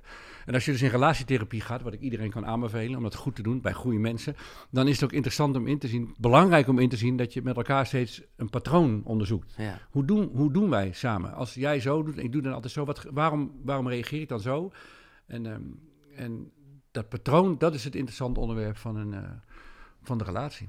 En kan je dat, eh, ja, verander je dan het patroon zonder dat je zelf verandert? Of hoe, ja, het wordt een beetje, eh, Nou, je hebt dus drie, je hebt dus drie individuen, twee mensen en Ja. een patroon. ja, En eh, je hebt dus drie onderwerpen van onderzoek. En ehm, eh, laat, ik, laat, ik, laat ik een voorbeeld van mezelf geven. Ehm, ik, mijn moeder was niet de makkelijkste. nou, ik, ben, ik dacht al zelf, ik ga nu de vraag stellen, hoe is de relatie? Nee, want ik vind dat je daar heel, nou, goud eerlijk over bent. Dat ik dan soms denk van, nou, ik hoop dat je moeder het allemaal niet leest. Net is dood, het he- helpt wel. Oh, oké. Ja, ja. Oké, dat wist ik niet. Oké, Ja. nou, dat is, eh, oké, nou, dan is het des te... Dat scheelt. nee, dat scheelt, of niet. Ik weet niet hoe je het hebt afgesloten. Nee, de, ehm, de, de, kijk, ik, eh, ik schrijf natuurlijk al heel lang, ik denk over allerlei dingen na. Maar de relatie met mijn moeder was altijd ingewikkeld en moeilijk. En ik dacht, eh. En op een gegeven moment zei mijn jongste zoon ook, toen kwam ik thuis, toen was hij een jaar of 15 en deed hij tegen mijn zoon, hé, papa, problemen met zijn mama. en eh, dat vond ik natuurlijk heel gênant. Ik kan met iedereen kan ik overweg, maar met mijn eigen moeder niet. Hoe zit Nee. dat nou? Dus ik heb mijn hele leven geprobeerd om mijn relatie met haar goed te krijgen. En het is me, het is me niet gelukt. Het is me gewoon niet gelukt. En dat vond ik een, een frustrerend, een nederlaag. Maar het hield me ook enorm eh, bezig. Maar waarom, waarom lukt het? Ik schrijf boeken over relaties. Waarom Ja. kan, Waarom kan ik het met mijn moeder nou gewoon niet goed hebben? Tot mijn vrouw zei, want mijn vrouw is de echte omdenker bij ons thuis. Zij zei, het probleem is niet je moeder. Zij is wie ze is. Je kunt haar best wel accepteren zoals ze is. Toen was ik een jaar of 55, hè, dus je hebt nog, je hebt nog heel veel toekomst. Ja, ja. En, ehm, en eh, jouw moeder is het probleem niet. Eh, wat zij van jou verwacht, wat jij van haar verwacht, allemaal het probleem niet. Het gaat ook over verwachtingen. Jouw verwachting, het probleem is jouw verwachting van jezelf. Ja.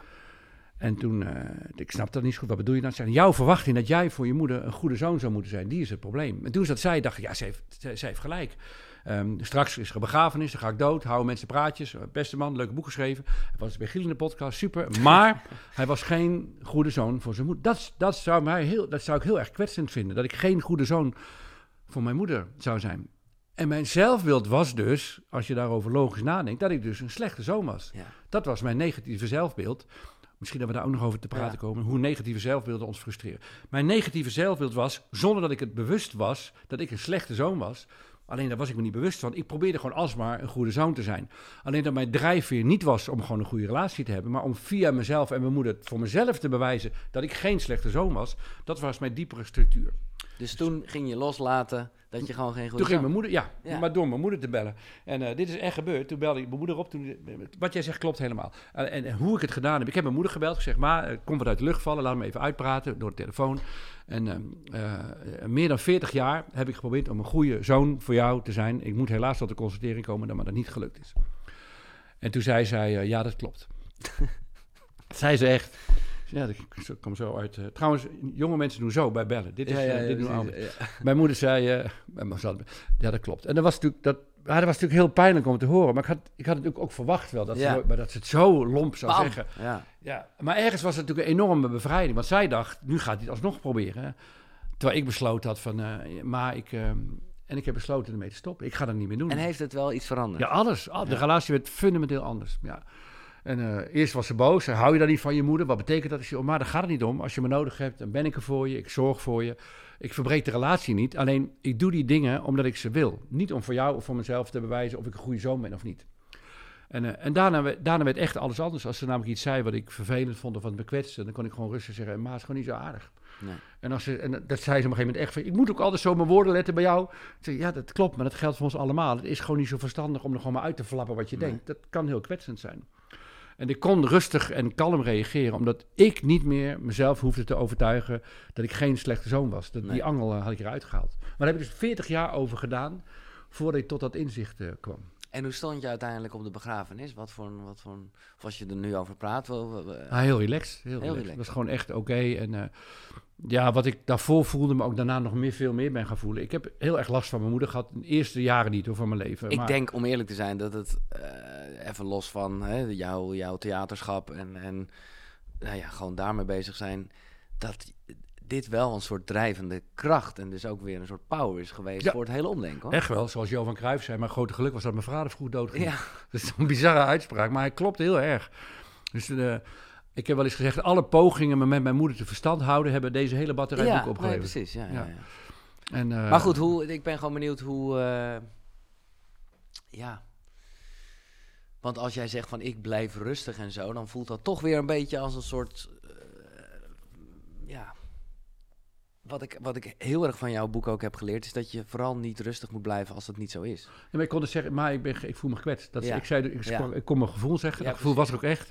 Alleen je hoeft dat gevoel eh, niet heel boos te zeggen. Ik, ik kan ook zeggen, goh, ik ben boos. Of dat irriteert me, dat moet je niet zeggen. Dus je hoeft dat gevoel niet helemaal, helemaal eruit te gooien en te tonen... om het helemaal te laten zijn en te kunnen communiceren. Want dat- wat ik net zei ook, hè, dat ik tegen de dat is niet zo leuk. Ik voel me gekwetst door wat je zegt. Dat is onaardig, dat is niet lief. Ja. Er zijn, eh, en je hebt het al een beetje aangestipt, en eh, toen we het net hadden over, eh, nou ja, hoe, ja, dat er bij mij misschien wel een soort van eenzaamheid. ik vond je ontroering heel Gevoel is. mooi om te zien. Ja. Ja, maar ik vind het heel raar, omdat ik het zelf. ik had ook niet verwacht dat het tijdens het gesprek ging gebeuren. Maar ik heb het, als, ik daar, als ik het gewoon echt even voel, en dat voel ik als je het vertelt, dan. Maar ja.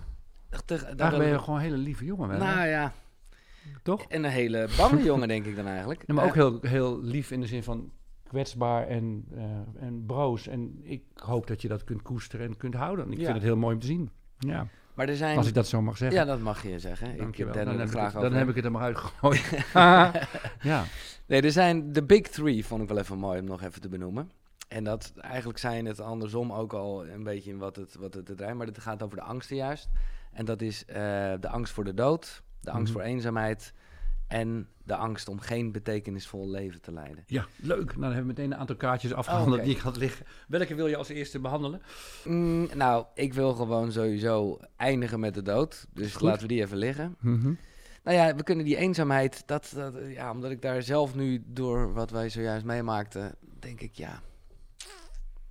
Maar dat is ook weer misschien een beetje het spirituele, zo van dat we gewoon niks anders willen dan verbonden met elkaar zijn. Mhm. Nou, we zijn verbonden. Alleen Ja. we leven in de illusie dat we het niet zijn. En er zijn, iedereen kent in zijn leven momenten dat hij zich intens verbonden kan voelen met van alles en nog wat. Eh, seks is natuurlijk een hele fantastische manier. Uh, goede seks. In, maar ook, eh, er zit misschien nog van een boek aan te komen, het onderwerp. eh, Oké. Dat het me echt fascineert. Het is ook zo complex en ingewikkeld. Maar Oké, nou ja, ik, ik, ik zag jouw kaartje liggen, commitment, eh, of nee, eh, ja, commitment, Intimiteit, intimiteit, seks, seks. En, Nee, eh, Oké, maar eh, laten we het dan toch even, eh, ik nodig je zeker weer uit op het moment dat je een, ehm, een boekje erover schrijft. Eh, maar verbondenheid, daar gaat het om. Hè? Over, ja. ehm, ehm, Nou ja, want dan heb je het over goede seks. Goede seks, Ja. tenminste, dat neem ik aan. Ja, waarbij je in het gevoel van identiteit overvloeit in elkaar en je één wordt in het moment. En, Ja. en wat, wat je als een welhaast spirituele ervaring kunt beschrijven. Ik ken het ook van LSD-trips. Eh, dat gevoel dat je helemaal kunt bedenken. Gewoon, kijk, als je naar een boom kijkt, wij kijken naar een boom, maar iets is die boom. Ja. En dat is, geen, dat is geen grap, dat is Nee. een feitelijke, juist, een boom is een boom. En die staat daar boom te zijn. En, eh, en in een LSD-trip, ik heb een serie gedaan. En ehm, eh, ja, is, het, is de scheiding tussen jou als persoon en zo'n boom is heel dun. Dus tjoep, je bent opeens, kan je die boom zijn. Ja. En uh, of, je- of je voorstellen hoe het En die boom is ook, gaat ook heel lang door, tot bovenin met die bladeren en zo. Dus dat soort ervaringen eh, ken ik. En het moment dat je heel erg verbonden voelt, volgens mij wat er gebeurt, is dat je de illusie van de afgescheidenheid tijdelijk eh, kwijt bent. Dus ik denk dat we gewoon allemaal met elkaar intens verbonden zijn. Al het leven is met elkaar verbonden. Eh, als feit, als gegeven. Alleen door ons denken, door taal, dat we in één lichaam zitten en dat we één individu zijn, leven in de illusie dat we niet verbonden zijn. Ja. En die illusie is heel pijnlijk en naar. En, eh, maar op het moment dat je diepgaand hebt ervaren een aantal keren in je leven dat we eigenlijk fundamenteel verbonden zijn en naar dat gevoel kunt terugkeren, eh, kan die illusie van eenzaamheid verzacht worden. Ah, maar soms frustreert het me ook al wel. Dan denk ik, waarom zijn we niet gewoon een soort ene- energetisch zwevende Ja, lichaam? Zit ik hier in een lichaam en jij zit daar en Ja. zit tijd tussen. Nee, maar dat gaat nou heel eenmaal, traag, zo is maar. het nou eenmaal. Zo is het. Ja. Ehm, Ah. Maar ik vind En, het wel eh, mooi dat je hier seks aan koppelt, want dat geeft gelijk aan wat dat dus ook kan betekenen. Namelijk, ja, vol overgave, een, nou ja, eh, letterlijke verbondenheid natuurlijk ook. Ja, en dan heb je allerlei variaties daarin. Ook, er is ook nog hele kunst, omdat net zoals je goed moet leren goede gesprekken voeren, is goede seks hebben ook nog een hele skill in zichzelf. Ja, Wat niet makkelijk zou je ook op middelbare school zouden we de les in moeten hebben, hoewel het heel gênant wordt waarschijnlijk om te maar wat zien. is jouw persoonlijk, want ik voel wel eh, dat je er zelf ook een eh, lange reis in gemaakt hebt. Als je dit zo noemt. Wat, wat, eh, want kijk, ik ken van mezelf wel dat je aan de ene kant een soort, ja, toch een persoonlijke behoefte. eh, en ik ben, ja, ik moet zeggen, ik ben daar echt wel beter in geworden. Dat, dat, terwijl ik het er nu zo over heb, denk ik echt, ja, lekker eigenlijk. Eh, maar dat was wel een beetje, eh, in ieder geval mijn reis. Dat, je, dat ik toch uiteindelijk dacht van ja, ik ben, dat ik te veel met mezelf bezig was. Of met het bereiken van het orgasme. En, en dat, dat voelde dan ook achteraf dan. Nou, het woord fijn. valt nu en ik heb een jaar of acht geleden, eh, dat wil zeggen shocking ontdekking, die zou ik iedereen eh, mee willen geven. Eh, dat orgasme, dat lijkt de hemel te zijn, maar in mijn overtuiging is het gewoon de hel. Oké. En echt, het is het, het domste, domste wat je in seks kunt willen bereiken. Gewoon En heb je het nu over orgasme of een ejaculatie? Want dat is ook. Ja, maar nou, je zit er goed in. in, in, in. Ehm, nee, als je een, nee, ik heb het over ehm, het orgasme waarbij dus enorme dopamine rush door je lijf gaat. Dat je Ja. zo, "Huh, huh," dat, Ja, ja, die ja. vijf seconden van Ja. eh, piek, die piekervaring. Ja, En er zijn mensen die weten hier veel meer vanaf dan ik. En die hebben het ook over eh valleiorgasmes, Ja. ook bij mannen, Ja. waarbij je dus op een soort plateau blijft zweven. Maar, ehm, Nou, even eh, laat ik zijn naam noemen, Reinoud Ja, Edelveld. ik ken hem ook. Hij was degene die zei dat ik geen vader meer mocht worden. Zei hij dat? Ja, mag hij wel zeggen. dat vond ik ook. Hij heeft hier niks mee te maken. Nee. En, ja, dat, dat soort bouw... Waar, waar, waar, waarom- waar, waar, waar, baseerde hij zijn bouwde uitspraak op dan? Daar ben ik wel geïnteresseerd in. Eh, gewoon wetenschap. Eh, gewoon eh, zaadcellen die niet krachtig genoeg meer zijn. En zo is het niet bedoeld. Nou, nou, dit vind ik dus van die theorieën, waarbij ik zeg, daar moet je dus, wees daar nou voorzichtig Ja. mee. En, en enige, enige, enige terughoudendheid is wel op zijn plek, vind ik. Maar, goed, we zaten terug, weer in het ja. Ja. En, ehm, wat ik gemerkt heb eh, ehm, eh, als het gaat om eh, seksualiteit, we hebben met z'n allen het idee van, eh, ja, klaarkomen is dan een soort eindpunt, daar moet je naartoe. En eh, was het fijn voor jou, wil jij nog? Dus je belandt dan in een soort seksualiteit met elkaar, waarbij je bezig bent met een doel, met ergens in de toekomst naarheen te gaan. Terwijl het leuke van seks is nou juist dat je gewoon, net zoals je, wat, iedereen kent het wel van de middelbare school, dat je, je bent aan het zoenen. En ja, hoe lang dat duurt, dat doet er niet toe. Het is gewoon fijn zolang het fijn is. Nou, de kunst is het om op die manier, naar mijn overtuiging, seksualiteit te beleven. En eh, wat voor mij enorm geholpen heeft, daarom heb ik dit boek ook Cupid's Poisoned Arrow eh, meegenomen als een van de boeken die ik kan Ja? aanbevelen. Ja. Hoewel het eh, ergens een draak is eh, van een boek. ja, maar ze, die vrouw heeft waanzinnig veel onderzoek gedaan naar de chemische effecten, wat er gebeurt hormonaal, lichamelijk, op het moment dat je een orgasme beleeft. Zij zegt erover, als je neurologisch als je kennis maakt van je brein, bij een orgasme is vergelijkbaar met een, een, een shot heroïne. Ja. De- dus een soort kermis daar. Ja. En dan denken we nou, en, eh, maar je dopamine voorraad raakt uitgeput. Het duurt een aantal dagen voordat die weer wordt aangevuld. En hoe ouder je bent, hoe langzamer dat proces eh, duurt. Dus er, eh, ja, wanneer voel je je fijn? Als je oxytocine, je serotonine, je dopamine niveaus allemaal hoog zijn. En orgasmen brengen die, orgasmes brengen die terug. Nou, ik heb dit, dit, dit, hier zou ik nog wel eens veel onderzoek naar willen doen en een boek over schrijven. Ja, en mooi. nooit, nooit meer klaarkomen, denk je seks om. En ehm, Ja, niet meer klaarkomen, gewoon niet dat willen. Nee, maar Eh, tegelijkertijd, en daarom ook vind ik het echt leuk dat je hiermee aan de slag gaat. Omdat het natuurlijk ook ontzettend oer is en niet voor niks zo bedacht dat ja, we dat nastreven omdat het gewoon eh, fijn is. En omdat om- we dan maar ik ook denk- al, eh, maar ik denk we dat- dan voortplanten. Precies, maar de hele de seks en verliefdheid, dat, al dat soort dingen en orgasmes eh, zijn er niet gemaakt dat jij gelukkig bent in een relatie. Die zijn ervoor gemaakt dat de mensheid in leven blijft. Ja, Die gaan niet over ons, die gaan Nee. over de, de soort in stand Ja. houden. Een soort dierlijke drift. ehm, eh, en je kunt bedenken, als je daar naar kijkt, naar die dierlijke drift, helpt die mij? Of zit die dingen in de weg? En wij, wij hoeven, geen, eh, we hoeven niet onze dierlijke driften per definitie te volgen als Nee. een soort slaafse machine. We kunnen daarop reflecteren en bedenken, nou... En zij schrijft er echt fascinerend over, over eh, ratten die bij elkaar gezet worden, een nieuw paardje. En eh, seks, seks, seks, seks, seks, seks, seks, seks, seks, seks, seks, seks, seks, seks. Net zolang tot ze uitgeput raken, maar zet er dan een nieuw vrouwtje bij, bij zo'n mannetje. En eh, hup, daar gaat het weer. Dus eh, de, haar basisgedachte is dat eigenlijk eh, orgasmes en seksualiteit en verliefdheid zijn allemaal ehm, hormonale, eh, biologische eh, eh, processen. processen Ja, die als doel hebben dat er gewoon kinderen gemaakt worden. that's it. Punt. En, en kinderen maak je dan en dan voed je die 1, 2 jaar op en dan trek je door naar de volgende vrouw. Daar is ons, onze biologie voor gemaakt. En eh, nou, de vraag is of die biologie ons helpt of niet. En voor mij was het een enorme eye-opener om te bedenken, ik, ik stop daar gewoon mee. En dan, eh, ik moet, ja, af en toe dan, gaat het nog wel eens mis. Ja, ja. Hoe? en, eh, Maar dus mag ik dan daaruit... Dus, dus jij bent heel erg van de tantra-seks. Ja, daar, daar- in Tantra dan- hebben ze daar ook over. Hè? Ja. Ja, en ik ben er, ehm, ik heb er wat over gelezen. En ik zit er niet zo diep in dat ik zeg bij die school horen of Nee. hiervan. Nee, Maar ik weet wel, als ik over mijn eigen persoonlijk leven, als, ik, als ik kijk naar hoe dat mij enorm bevrijd heeft, ehm, ja, je, gaat, je krijgt een heel andere vorm van seksualiteit. Nou is het, en ik hoop dat dat in je boek ook ter sprake komt, heb je ook nog iets wat Napoleon heel ooit omschreef als het transmuteren van die seksuele energie. Hè? Dus, dus dan gebruik je die oerdrift die we gewoon eenmaal hebben voor creatieve processen. Nou, Mhm. de- hoe mooi zou dat zijn?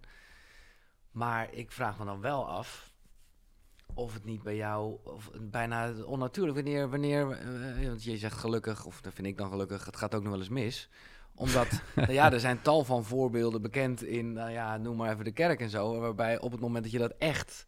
Nee, maar ik heb het niet over dat je seksualiteit onderdrukt. Nee, Integendeel, de, het kan juist enorm stromen. Ik, Ja, ik, ja. ik, ik heb, maar wel eh, het orgasme.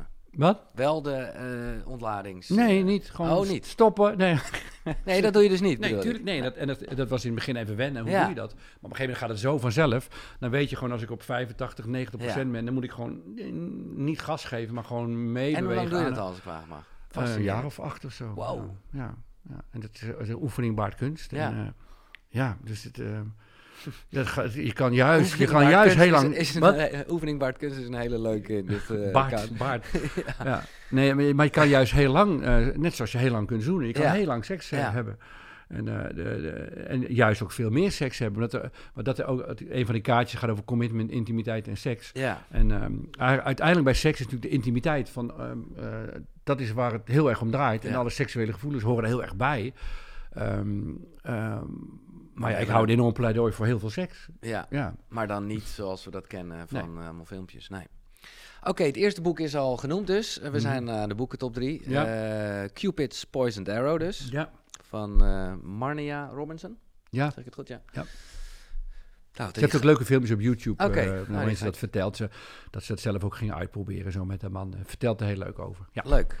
Was het een moeilijke opgave overigens om drie boeken te zoeken? Want er zijn echt... Nee, eh, joh, ik heb, ik vond, het- ja, nou, Ja, om er drie eh, bedoel ik meer. nee, ja, het ja, was heel moeilijk. Ik dacht, Ja. ik neem gewoon boeken mee die van mijn persoonlijke ontwikkeling van dit moment leuk zijn. Ja, snap ik. Want ik heb natuurlijk eh, allemaal boeken. Ik, ik vind, ik van jongen, boeken. Altijd, ja. Ik heb hier ook een hele bak boeken Ja. staan. Nou, ik heb ze denk ik, ook allemaal gelezen. Dus Ja, ik dat vind het ik ook heerlijk ja. dat mensen dingen opschrijven. En ik, eh, ja, ik lees heel graag en veel. Ik vind wat ik heel mooi vind in eh, Ja, maar wat als eh, alles lukt, dat daar op het einde de literatuurlijst ook helemaal in, ehm, hoe zeg je dat, in, in, in thema's is ingedeeld. dus allemaal boeken over creativiteit, over gezondheid en geluk, over psychologie, ook gewoon ondernemen en shit. Ja, ja. Leuk. Dat, eh, maar goed, welke eh, heb je nog meer uitgezocht? Eh, nou, ik, weet- het boek, wat, het boek wat mij heel erg gevormd heeft, is het boek van Robert Frits, De Ja. van de Minste Weerstand. Ken je het boek? Of, nee, nee, nee, maar ik wist dat dat voor jou echt een leermeester geweest is. Ja, dat, dat was het ook. En eigenlijk degene die dat in Nederland gebracht heeft, Floris Rommert. Zij geeft trainingen.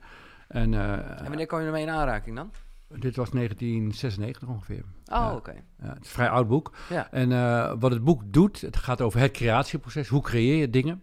Ehm, en eh, Robert Frits, en dat heeft me enorm gevormd, maakt onderscheid tussen... eh, hij zegt er zijn twee redenen waarom je kunt gaan handelen. Of omdat je van een probleem af wil, je wil iets niet. Of omdat je een eindresultaat wil bereiken. Je wil iets creëren. Ja. En eh, Oh, dit is wel een soort basis voor omdenken. ja, echt wel. En eh, Ja. eh, ik, ik bouw voort op zijn gedachten, Ja. hoop ik.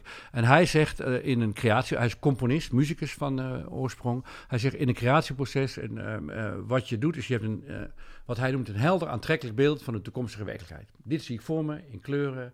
En ik ben eh, vrij, van, vrij van dat het moet. En eh, nou, daar heeft hij dan een hele definitie over. Maar in essentie is het creatieproces start met een aantrekkelijk beeld van de toekomstige werkelijkheid. Dus je ziet iets voor je, je hebt er zin in en je gaat op weg.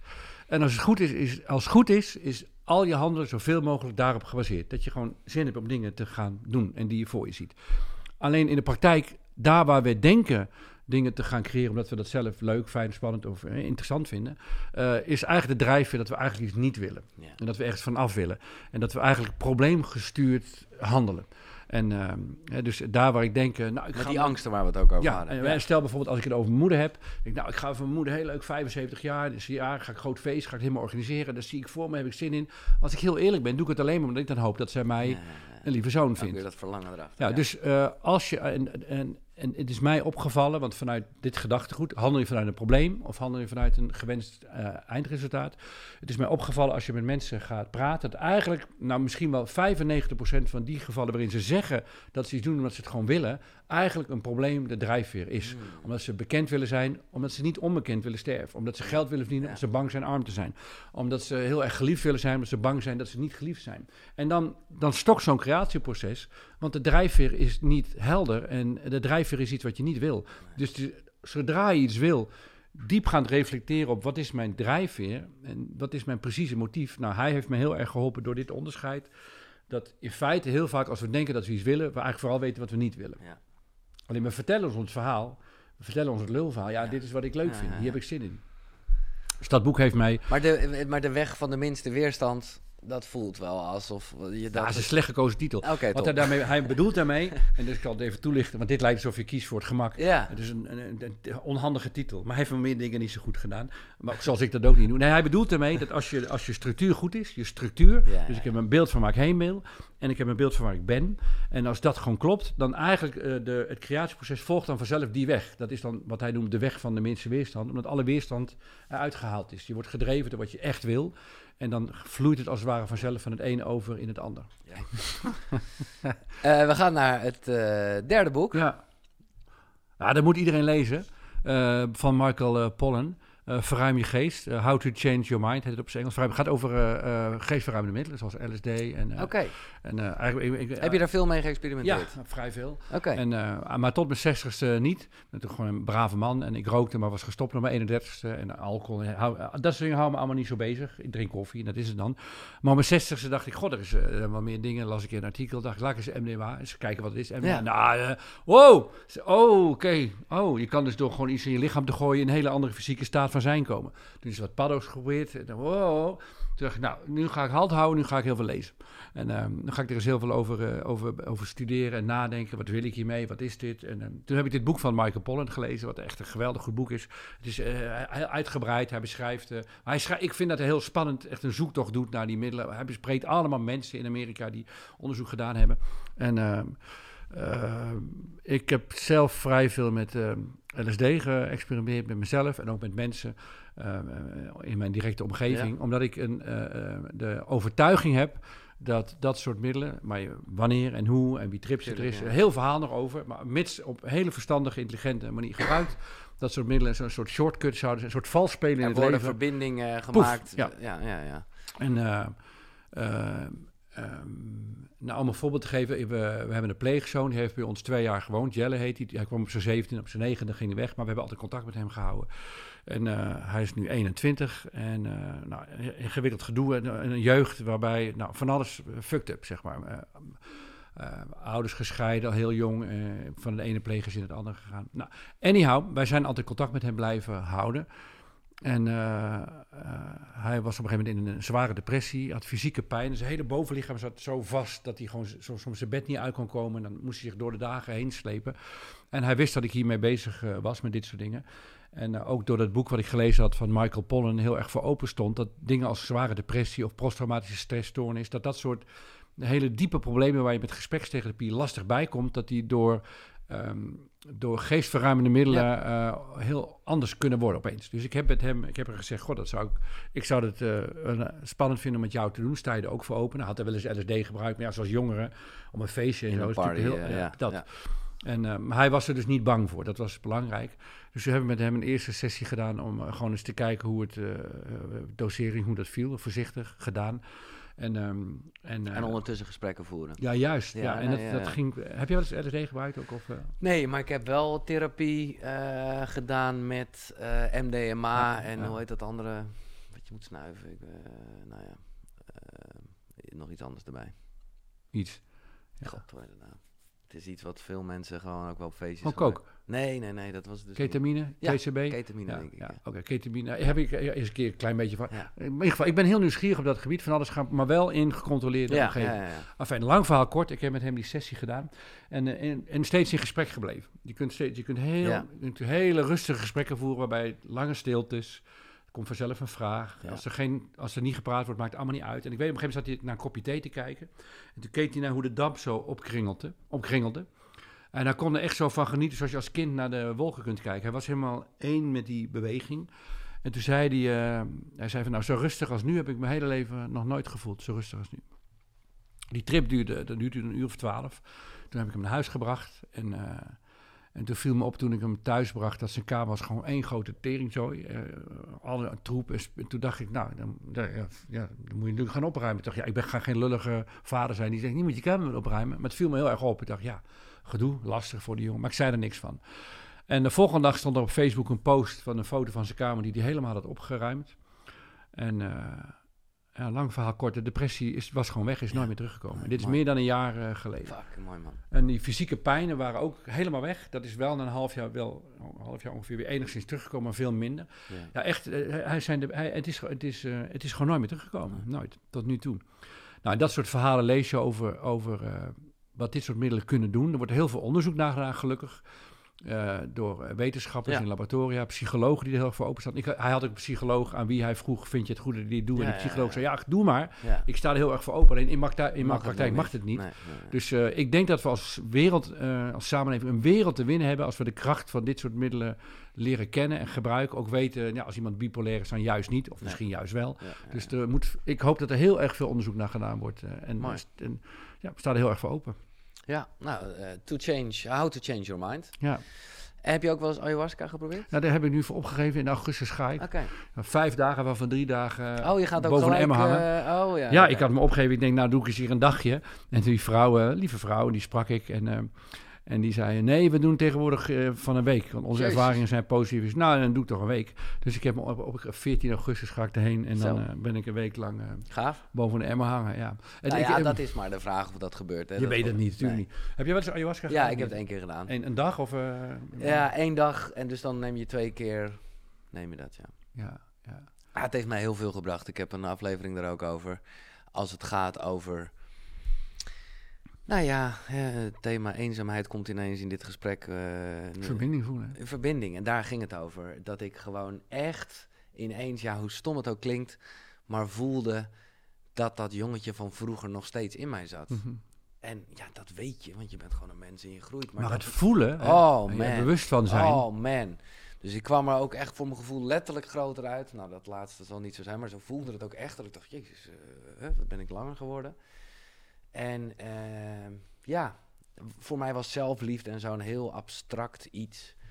En vanaf dat moment, ja, voel ik dat jongetje gewoon in mij. Ja. En die ervaring zoals jij al eerder schetste met een boom en ook echt die boom voelen, dat hele alles is één. Ja, dat is, dat is gewoon heel moeilijk ook weer onder woorden te brengen. Maar op het moment dat je dat echt even zo gevoeld hebt, en eigenlijk weten we gewoon allemaal wel dat het zo is. Maar ja, dan zijn er, is er geen enkele beperking, omdat het, hè, nou ja, er is gewoon geen beperking in je hoofd van dat kan niet of zo. Het gebeurt. Dat is, ja. Het gebeurt. Ja. Ja. Eh, dat brengt ons bijna, denk ik, wel bij. eh, even kijken, wat hebben we op de kaartjes? Eh, de zin van het leven. Ik heb nog deze staan en deze. Die, Ja, jij die- wilde naar de dood toe. Deze, ja, nee, ja, zeker. deze hebben we al behandeld ook. Die zijn allemaal niet zo heel belangrijk Probleem verder. als niet gerealiseerd doel. Ja, heel veel, heel veel mensen noemen iets een probleem. Maar dat is helemaal geen probleem. Als je gewoon wil verbouwen, krijg je heel veel gezeik van. Dat gezeik moet je geen probleem noemen. Dat gezeik is gewoon een proces van een nog niet gerealiseerd doel. En door van heel veel problemen in te zien dat datgene wat wij een probleem noemen, het eigenlijk gewoon een nog niet gerealiseerd doel is, Ja, eh, wordt de beleving ook heel anders. Als je Ja. graag een relatie wil, ja. maar je bent single, kan je zeggen, ik ben single. Ik kan zeggen, ik heb te maken met een hier nog niet gerealiseerd doel. Heel grappig dat je dat zegt. Ik moet gewoon denken aan vroeger bij de radio. En daar heb ik toen helemaal niet eh, zozeer over nagedacht. Eh, maar ja, dan stuurde ik ergens een cassettebandje naartoe. En dan kreeg ik een afwijsbrief. Ja, ik zeg niet dat het me niks deed. Maar het was ook niet... eh, het, was, het was geen probleem. Nee, het, het is er, gewoon nog, oh, oké, dan gaan we door. Dan, gaan we, dan ga ik een nieuw bandje maken. Eh, weet je, de, ja. ja, heel, goed. het is er- dat, dat, dat probleem van afwijzing is er omdat jij iets wil. Ja, Jij hebt een doel en dan ontstaat er gedoe. ja. Maar je kan, je kan Maar dat was tof. Ik heb dat nooit als een gedoe ervaren. Of ja. Ja. Ja, Ja, terwijl andere mensen in dezelfde situatie het ook heel erg als een afwijzing zouden kunnen en- ervaren. Ja, ja, ja. Ja. Oké. Het gaat niet om wie je bent, het gaat om wat je doet. Nou, die zouden we dan met die twee, die, die doen, doen, doen we zo wel. Die hebben we ook wel verteld. Dus deze twee vind ik, eh voor zover mijn agenda sturend Ja, is, ja, ja. vind ik deze twee de leukste om het nog over te hebben in de tijd die we hebben. Ja. Ehm, Ja. Mm. Nou ja, ik wil voordat we naar eh ding gaan nog wel even vragen of jij een ochtendritueel hebt. Dat is een eh, ritueel in ja, ik heb erover nagedacht, want ik, je stelt het aan alle Ja. gasten. En eh, ik, ik dacht, ik, hoe, hoe, hoe moet ik hier nou mee te voeten? Want ik Ja, sta gewoon op hebt, en... niet. jawel, maar ik heb wel iets vergelijkbaar. Ik heb een avondritueel, merk ik. Mm. En dat is echt, dat verzin ik niet. Dat is echt waar. Als ik ga liggen s'avonds in bed, dan denk ik, nou, wat, hoe ging het vandaag? Nou, dat was leuk, dat was niet leuk. Dus ik kijk altijd even terug. En dan ga ik altijd de zin in de volgende dag maken. S'avonds. Oh, morgen doe ik dat, dat. Oh, dat is vervelend, dat moet. Dus dan zie ik de hele dag eh, voor me.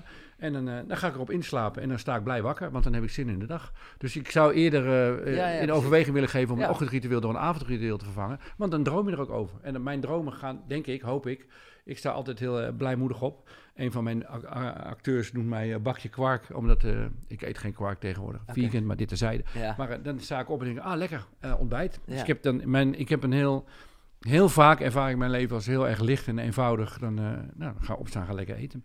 En ik denk dat het mij helpt om, ehm, eh, om voor het slapen gaan te bedenken van hoe ging de dag vandaag, wat, eh, Ja. wat houdt me bezig, oké. En wat, waar, waar heb ik morgen zin in? En een geweldige uitspraak van de AA, de Anonymous Alcoholics, is het leven gaat dag voor dag, dag voor dag. Ja.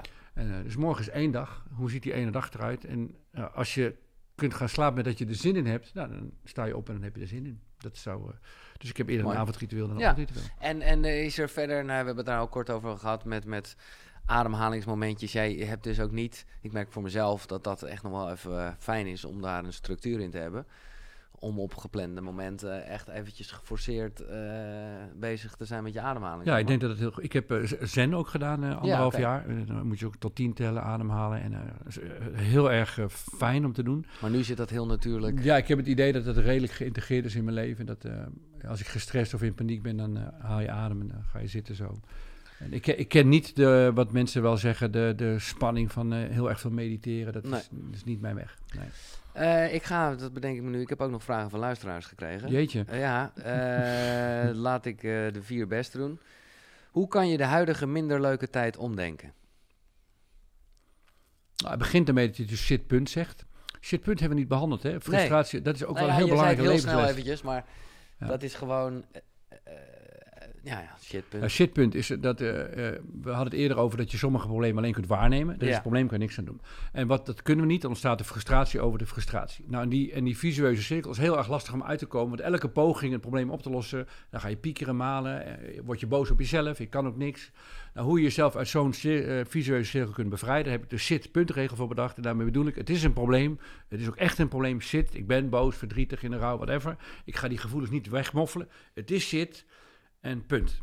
Ik besluit er geen probleem van te maken dat ik een probleem heb. Ik heb een probleem, het is een reëel probleem, maar ik besluit er geen probleem van te maken. En shitpunt is volgens mij de, de- ja, de grootste vorm van levenskunst.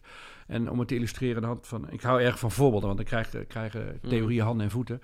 Er was dus een eh, eh, vrouw die verloor haar eh, man eh, na meer dan 40 jaar eh, huwelijk. hersenbloeding, een op de andere dag. Dus haar leven lag volledig overhoop. Was er niet op voorbereid. Maar gelukkig had ze een liefdevol netwerk van kinderen, familieleden, vrienden. Dus ze voelde zich heel erg gesteund. Maar na verloop van een aantal maanden wilde ze zelf weer dat haar leven ja, eh, verder ging. En ze wist ook, mijn overleden man zou niets liever gewild hebben dan dat ik gewoon weer gelukkig zou zijn. Maar het lukte haar niet. En daar was ze boos over. Kortom, frustratie over de frustratie. En ze wilde dat ze geen probleem had. En dat lukte alsmaar niet. Tot de vriendin met haar sprak. En die had hetzelfde meegemaakt, alleen een aantal jaren eerder. Was ook haar partner verloren. En die zei tegen haar... eh, ga er maar vanuit, meid. Het doet zo verschrikkelijk veel pijn. Het gaat de rest van je leven gaat dat niet over. En ze zei, toen ik het hoorde, leek het het meest erg wat iemand tegen mij kon zeggen. Maar het was meteen het meest bevrijdende. Omdat de pijn er gewoon mocht zijn. Ja. Sterker nog, ik kon de pijn omarmen als de achterkant van de liefde die ik altijd voor mijn man gevoeld had. Dus dat is dan fijn. Dat is heerlijk. Ja. Het zou toch heel erg zijn als je geen pijn zou voelen. Dus eh, mijn overbuurvrouw, hele lieve vrouw, Anne heet ze. ze haar partner is overleden, haar, haar vrouw. En eh, af en toe zegt ze, dan ga ik op mijn stoel zitten. En dan eh, ga ik gewoon even huilen. Ga ik zo heerlijk verdrietig zijn. Ja, ja fucking man. En wij denken, geluk en verdriet zijn tegengesteld. Maar je kunt gelukkig en verdrietig zijn tegelijkertijd. Ja. tegelijkertijd. Net zoals je introvert en extravert kunt zijn tegelijkertijd. Dus in ons hoofd zijn al die dingen gescheiden. Ehm, eh, en terugkomend op je vraag, dus hoe kun je in deze tijd ehm, dingen eh, omdenken? Nou, niet alles is om te denken. Begin ermee te accepteren dat sommige dingen pijnlijk, verdrietig, lastig. ehm, eh, en accepteer die pijn, zeg eh, zit en dan punt. Punt. Laat het er zijn. En vervolgens hou je dus energie over voor de dingen waar je wel invloed op hebt. Namelijk door het of op te lossen, of los te laten, of als dat je lukt, of als het even kan omdenken. En dan heb je altijd nog je eigen kleine wereld in plaats van... Je hoeft de hele wereld niet te, Nee, te, veranderen. Nee. Wat is iets wat jij niet kan omdenken? Nou ja, dat is eigenlijk, heb je dat net Heel veel. gezegd. Ja, Ja, heel ja, veel. precies. Dat is Ja. ook totaal niet... eh, gevoelens van mijn partner, ja. bijvoorbeeld. ja, Eh, vind je jouw inspiratie in pijn of in geluk? Mooie vraag. Goede vraag. Vooral in pijn, denk ik. Eh, ja, geluk is heel leuk, en, eh, maar dat geluk komt en gaat zo. Net als golfjes in de zee. Daar heb je eigenlijk niet zo heel veel. Geluk is het bijproduct van het leven. En eh, dat, dat is er soms. Je moet, als je naar streeft, dan, eh, maak je het vaak stuk. Dus gelukkig, ehm, er zijn wel allerlei variabelen. vrienden om je heen hebben, werk wat je leuk vindt. Er zijn allerlei dingen die je kunt doen door eh, gelukkig te willen zijn. Maar naar mijn over, door, door de kans op geluk toe te laten nemen. Ja. Maar naar mijn overtuiging is geluk niet onze drijfveer. Onze g- drijfveren zijn verbondenheid, autonomie en competentie. Eh, eh, ja, ik, vind, ik vind frustratie dus leuk. Ik ben problemen ben ik zo leuk, grappig, interessant gaan vinden. Ik word blij. Dus als ik in een situatie zit en denk, van, kut, wat moet ik nu? Dan word ik blij, want denk ik, ah, dit had ik niet bedacht. Dit is frustrerend, dit is erg. Ik kan nu iets leren, ik kan iets anders gaan doen. Ik kan ergens mee stoppen of misschien moet ik iets beginnen. Dus ik vind pijn, verdriet en rouw, vind ik als drijfveren tot leren, vind ik leuk. Vind ik leuk. Hmm. Maar ze doen dus geen pijn. Nee. En, maar is het zo, eh, eh, zeg maar, dat drietal wat jij net noemt, dat is toch eigenlijk een beetje hetzelfde als, als, als de Big Three van de angst, alleen dan positief vertaald. Want als jij zegt Ehm. competentie, is het eigenlijk betekenisvol leven. Eh, welke zijn er nog meer? Ja, verbondenheid, autonomie en competentie. Ja, dus dat is eenzaamheid. Ja, klopt. Eenzaamheid, de verbondenheid is de andere kant van Ja. eenzaamheid. Ja, en dan, welke drie heb jij? De dood. Nee, ja, ja. Ja, dat heeft met zingeving of betekenisgeving te maken. Ja. Maar ik denk niet dat je dat kunt zien als de omkering van competentie. Dat je wat eh, kunt. Nee. Nee. dus het, het zou mooi zijn, want dan hadden we een heel mooi elegant Dat model. ja, ja, ja, de drie ja. angsten koppelen aan de drie drijfveren. Ja, ja. Eh, maar er zit, wel veel, er zit wel correlatie. De, de angst eenzaam te zijn, die los je op door de ervaring van eh, verbondenheid. Dat klopt, ja.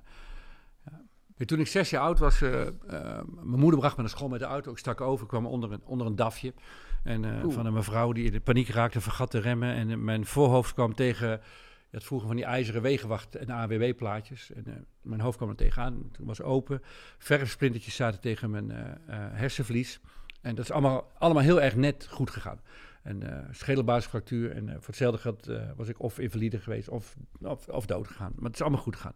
Maar ik weet dat ik, wat ik, ik heb daar verder geen actieve herinnering aan. Wat ik wel weet is dat ik in het ziekenhuis bijkwam. En ik herinner me ook licht, maar ik weet niet of dat nou het licht van een operatielamp was of dat ik het licht gezien heb, dat weet ik niet. Wat ik wel weet, eh, helder als glas, is dat eh, ik lag in een, eh, in een kinderbedje. Ik was zes jaar, met spijltjes. Met mijn polsen waren vastgebonden aan de spijltjes. En ik had allemaal verband in mijn hoofd. Maar ik moest stil blijven liggen, wist ik niet. En ik lag op een, dat kwam een verpleegster mij vertellen. Je moet wel stil blijven liggen, jongetje, want het moet genezen. Dus dacht ik, oké, dan, ja, dan is het zo. En ik lag op mijn kamer bij meneer Van den Berg. En later hoorde ik dat de kinderafdeling was in Zwolle, was helemaal vol. was alleen maar plek op de volwassenenafdeling bij, bij die meneer Van den Berg. En ze hadden me daar neergelegd, want ik was toch eh, buiten bewustzijn. Maar daar kwam ik bij. En daar heb ik nog even een tijdje gelegen. En ik kan me herinneren dat eh, um, hij had een hartbewakingsmachine. Die piep, piep, piep, piep. Om de Ja. zoveel tijd gingen die piepjes sneller. En dan kwamen de verpleegsters binnen. En dan zei ze in paniek, meneer Van den Berg, meneer Van den Berg, u moet wel wakker blijven, u moet wel wakker blijven. En ik herinner me dat, als ik, dat ik als kind dacht, maar waarom is iedereen zo in paniek? Meneer Van den Berg gaat er gewoon dood. Wat is er erg aan? Dat dacht ik echt. En ik, ik herinner me dat ook helder als glas. Dus op de een of andere manier heb ik daar in die periode gedacht. En waar het vandaan komt, weet ik niet precies. Maar eh, ja, we gaan gewoon dood. Ja. En dat is niet erg. En, ehm, en of ik een bijna doodervaring gehad heb, dat weet ik niet. Ik kan me dat niet herinneren. Maar het lijkt er wel heel erg voor op. In ieder geval weet ik wel dat ik, zolang als ik me kan herinneren, altijd heel licht in het leven heb Ja, gestaan. nou ja, ik wil net zeggen dat ik, eh, je zou ongetwijfeld eh, Pim van Lommels boek hebben gelezen. Nee, welk boek is dat? Pim God. van, Pim van Dommels? Nee, van, van Lommel. Pim van Lommel. Gaat over bijna doodervaringen Ja. soms of niet? Ja, fantastisch. Ik heb het niet gelezen. Ik heb wel documentaires en films erover gezien. nou, dat, eh, Ja. de, ja, de essentie is in ieder geval dat heel vaak dit gebeurt. Eh, en ik vind het leuk wat, dat mensen ook, eh, maar goed, die hebben dat dan op latere leeftijd spontaan vegan worden, omdat ze allemaal wel voelen van dat klopt. Je eet toch geen dier op en nee, zo? exact. Ja. Dus het, het, het, het klinkt heel logisch, ja. Ja, en ehm, eh, er is een documentaire, voor mij heet hij Ram Nas. is een van die mensen die samen met Timothy Leary LSD in Amerika op de kaart gezet heeft. Ja? Of, eh, Ram Nas is voor, in ieder geval op Netflix staat een documentaire. Hij is eind van zijn leven en hij is eh, grotendeels verlamd. En eh, als hij gaat zwemmen, dan moeten ze hem met een tuigje naar beneden laten zakken. Maar hij is heel blijmoedig. En hij zegt, en dat vind ik een geweldige uitspraak, hij zegt... nou, ik ga bijna dood. Ik heb zo zin in dit laatste avontuur. ja. Dan zeg je, oh ja, zo, zo kan je dus naar de dood kijken. Dat doe ik ook niet. Voor mij is de dood ook iets bizars. Dat je gewoon doodgaat. Dat is zo, en dat je geliefden doodgaan. Dat, ga je kinderen maken die kinderen. Ja, jij gaat straks ja. dood. Of Nou de ja, kinderen gaan ging- dood. Allemaal ellende gewoon. Precies. Ja, dus, ehm, maar dat je de dood kunt omarmen als het groot avontuur. En dat, dat is natuurlijk ook. Want hoe dan ook, of je bent er gewoon niet meer. Ja, dan gaat het op zwart. Dat is fascinerend, hoewel je dat dan niet bewust bent. Of als er wel iets zou zijn, dan is dat is helemaal fascinerend. En wat denk je? En ik realiseer me dat jij juist hier eh, geen voorstander van bent, want je wil het liever bij de feiten houden. Eh, maar toch, je zal er ook wel eens over nadenken en we hebben het er nu over. Wat denk Ja. je? Ja, mijn, mijn, eh, mijn eh, intuïtie zegt me, er is iets. En mijn verstand zegt me, je hebt geen idee. Dus de, ik heb die twee antwoorden. Ja. Die twee antwoorden. In ieder geval, ik maak me er geen, geen zorgen over. Nee. Het is eigenlijk net als buitenaards leven. hè. Le- als er buitenaards leven is, er zijn twee bizarre mogelijkheden. Of het is er, dat is bizar. Of het is niet, dat is ook bizar. Want dan zijn we alleen in dit krankzinnige universum. En zo gaat het eigenlijk ook voor de dood. Of het gaat gewoon op zwart. Nou, dan is het zo.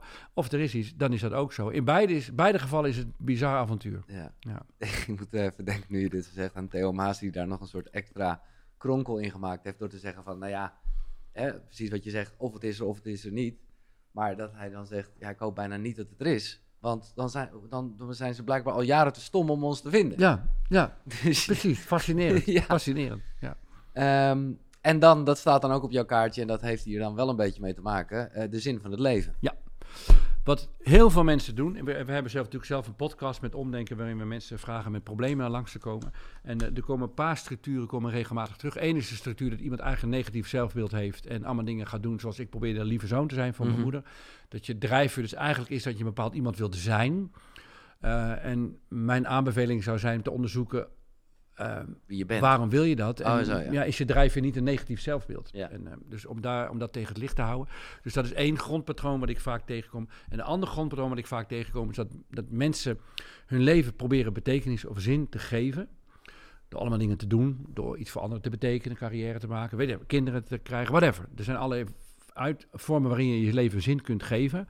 Maar eigenlijk, als dat je doel is... De vraag is interessant, ga je dan vanuit, omdat als je die dingen niet doet, je leven dan zinloos was. En is ook daar niet een negatieve overtuiging de drijfveer in plaats van dat het gewoon leuk is om fijne, leuke, betekenisvolle dingen te doen. Nou, in nogal wat gevallen willen mensen een waardevol, betekenisvol leven hebben, omdat ze denken, ja, als ik anders terugkijk, was het zinloos. Nou, en die overtuiging zou ik wel tegen het licht willen houden, omdat ik denk het enige antwoord is dat we het gewoon niet weten. Is een Nee. leven van iemand die eh, zwak begaafd is, gewoon niet zoveel kan, maar wel de flessen kan vervangen bij de Albert Heijn en daar gelukkig mee is. Dat een minder betekenisvol Nee, leven? nee, Hè?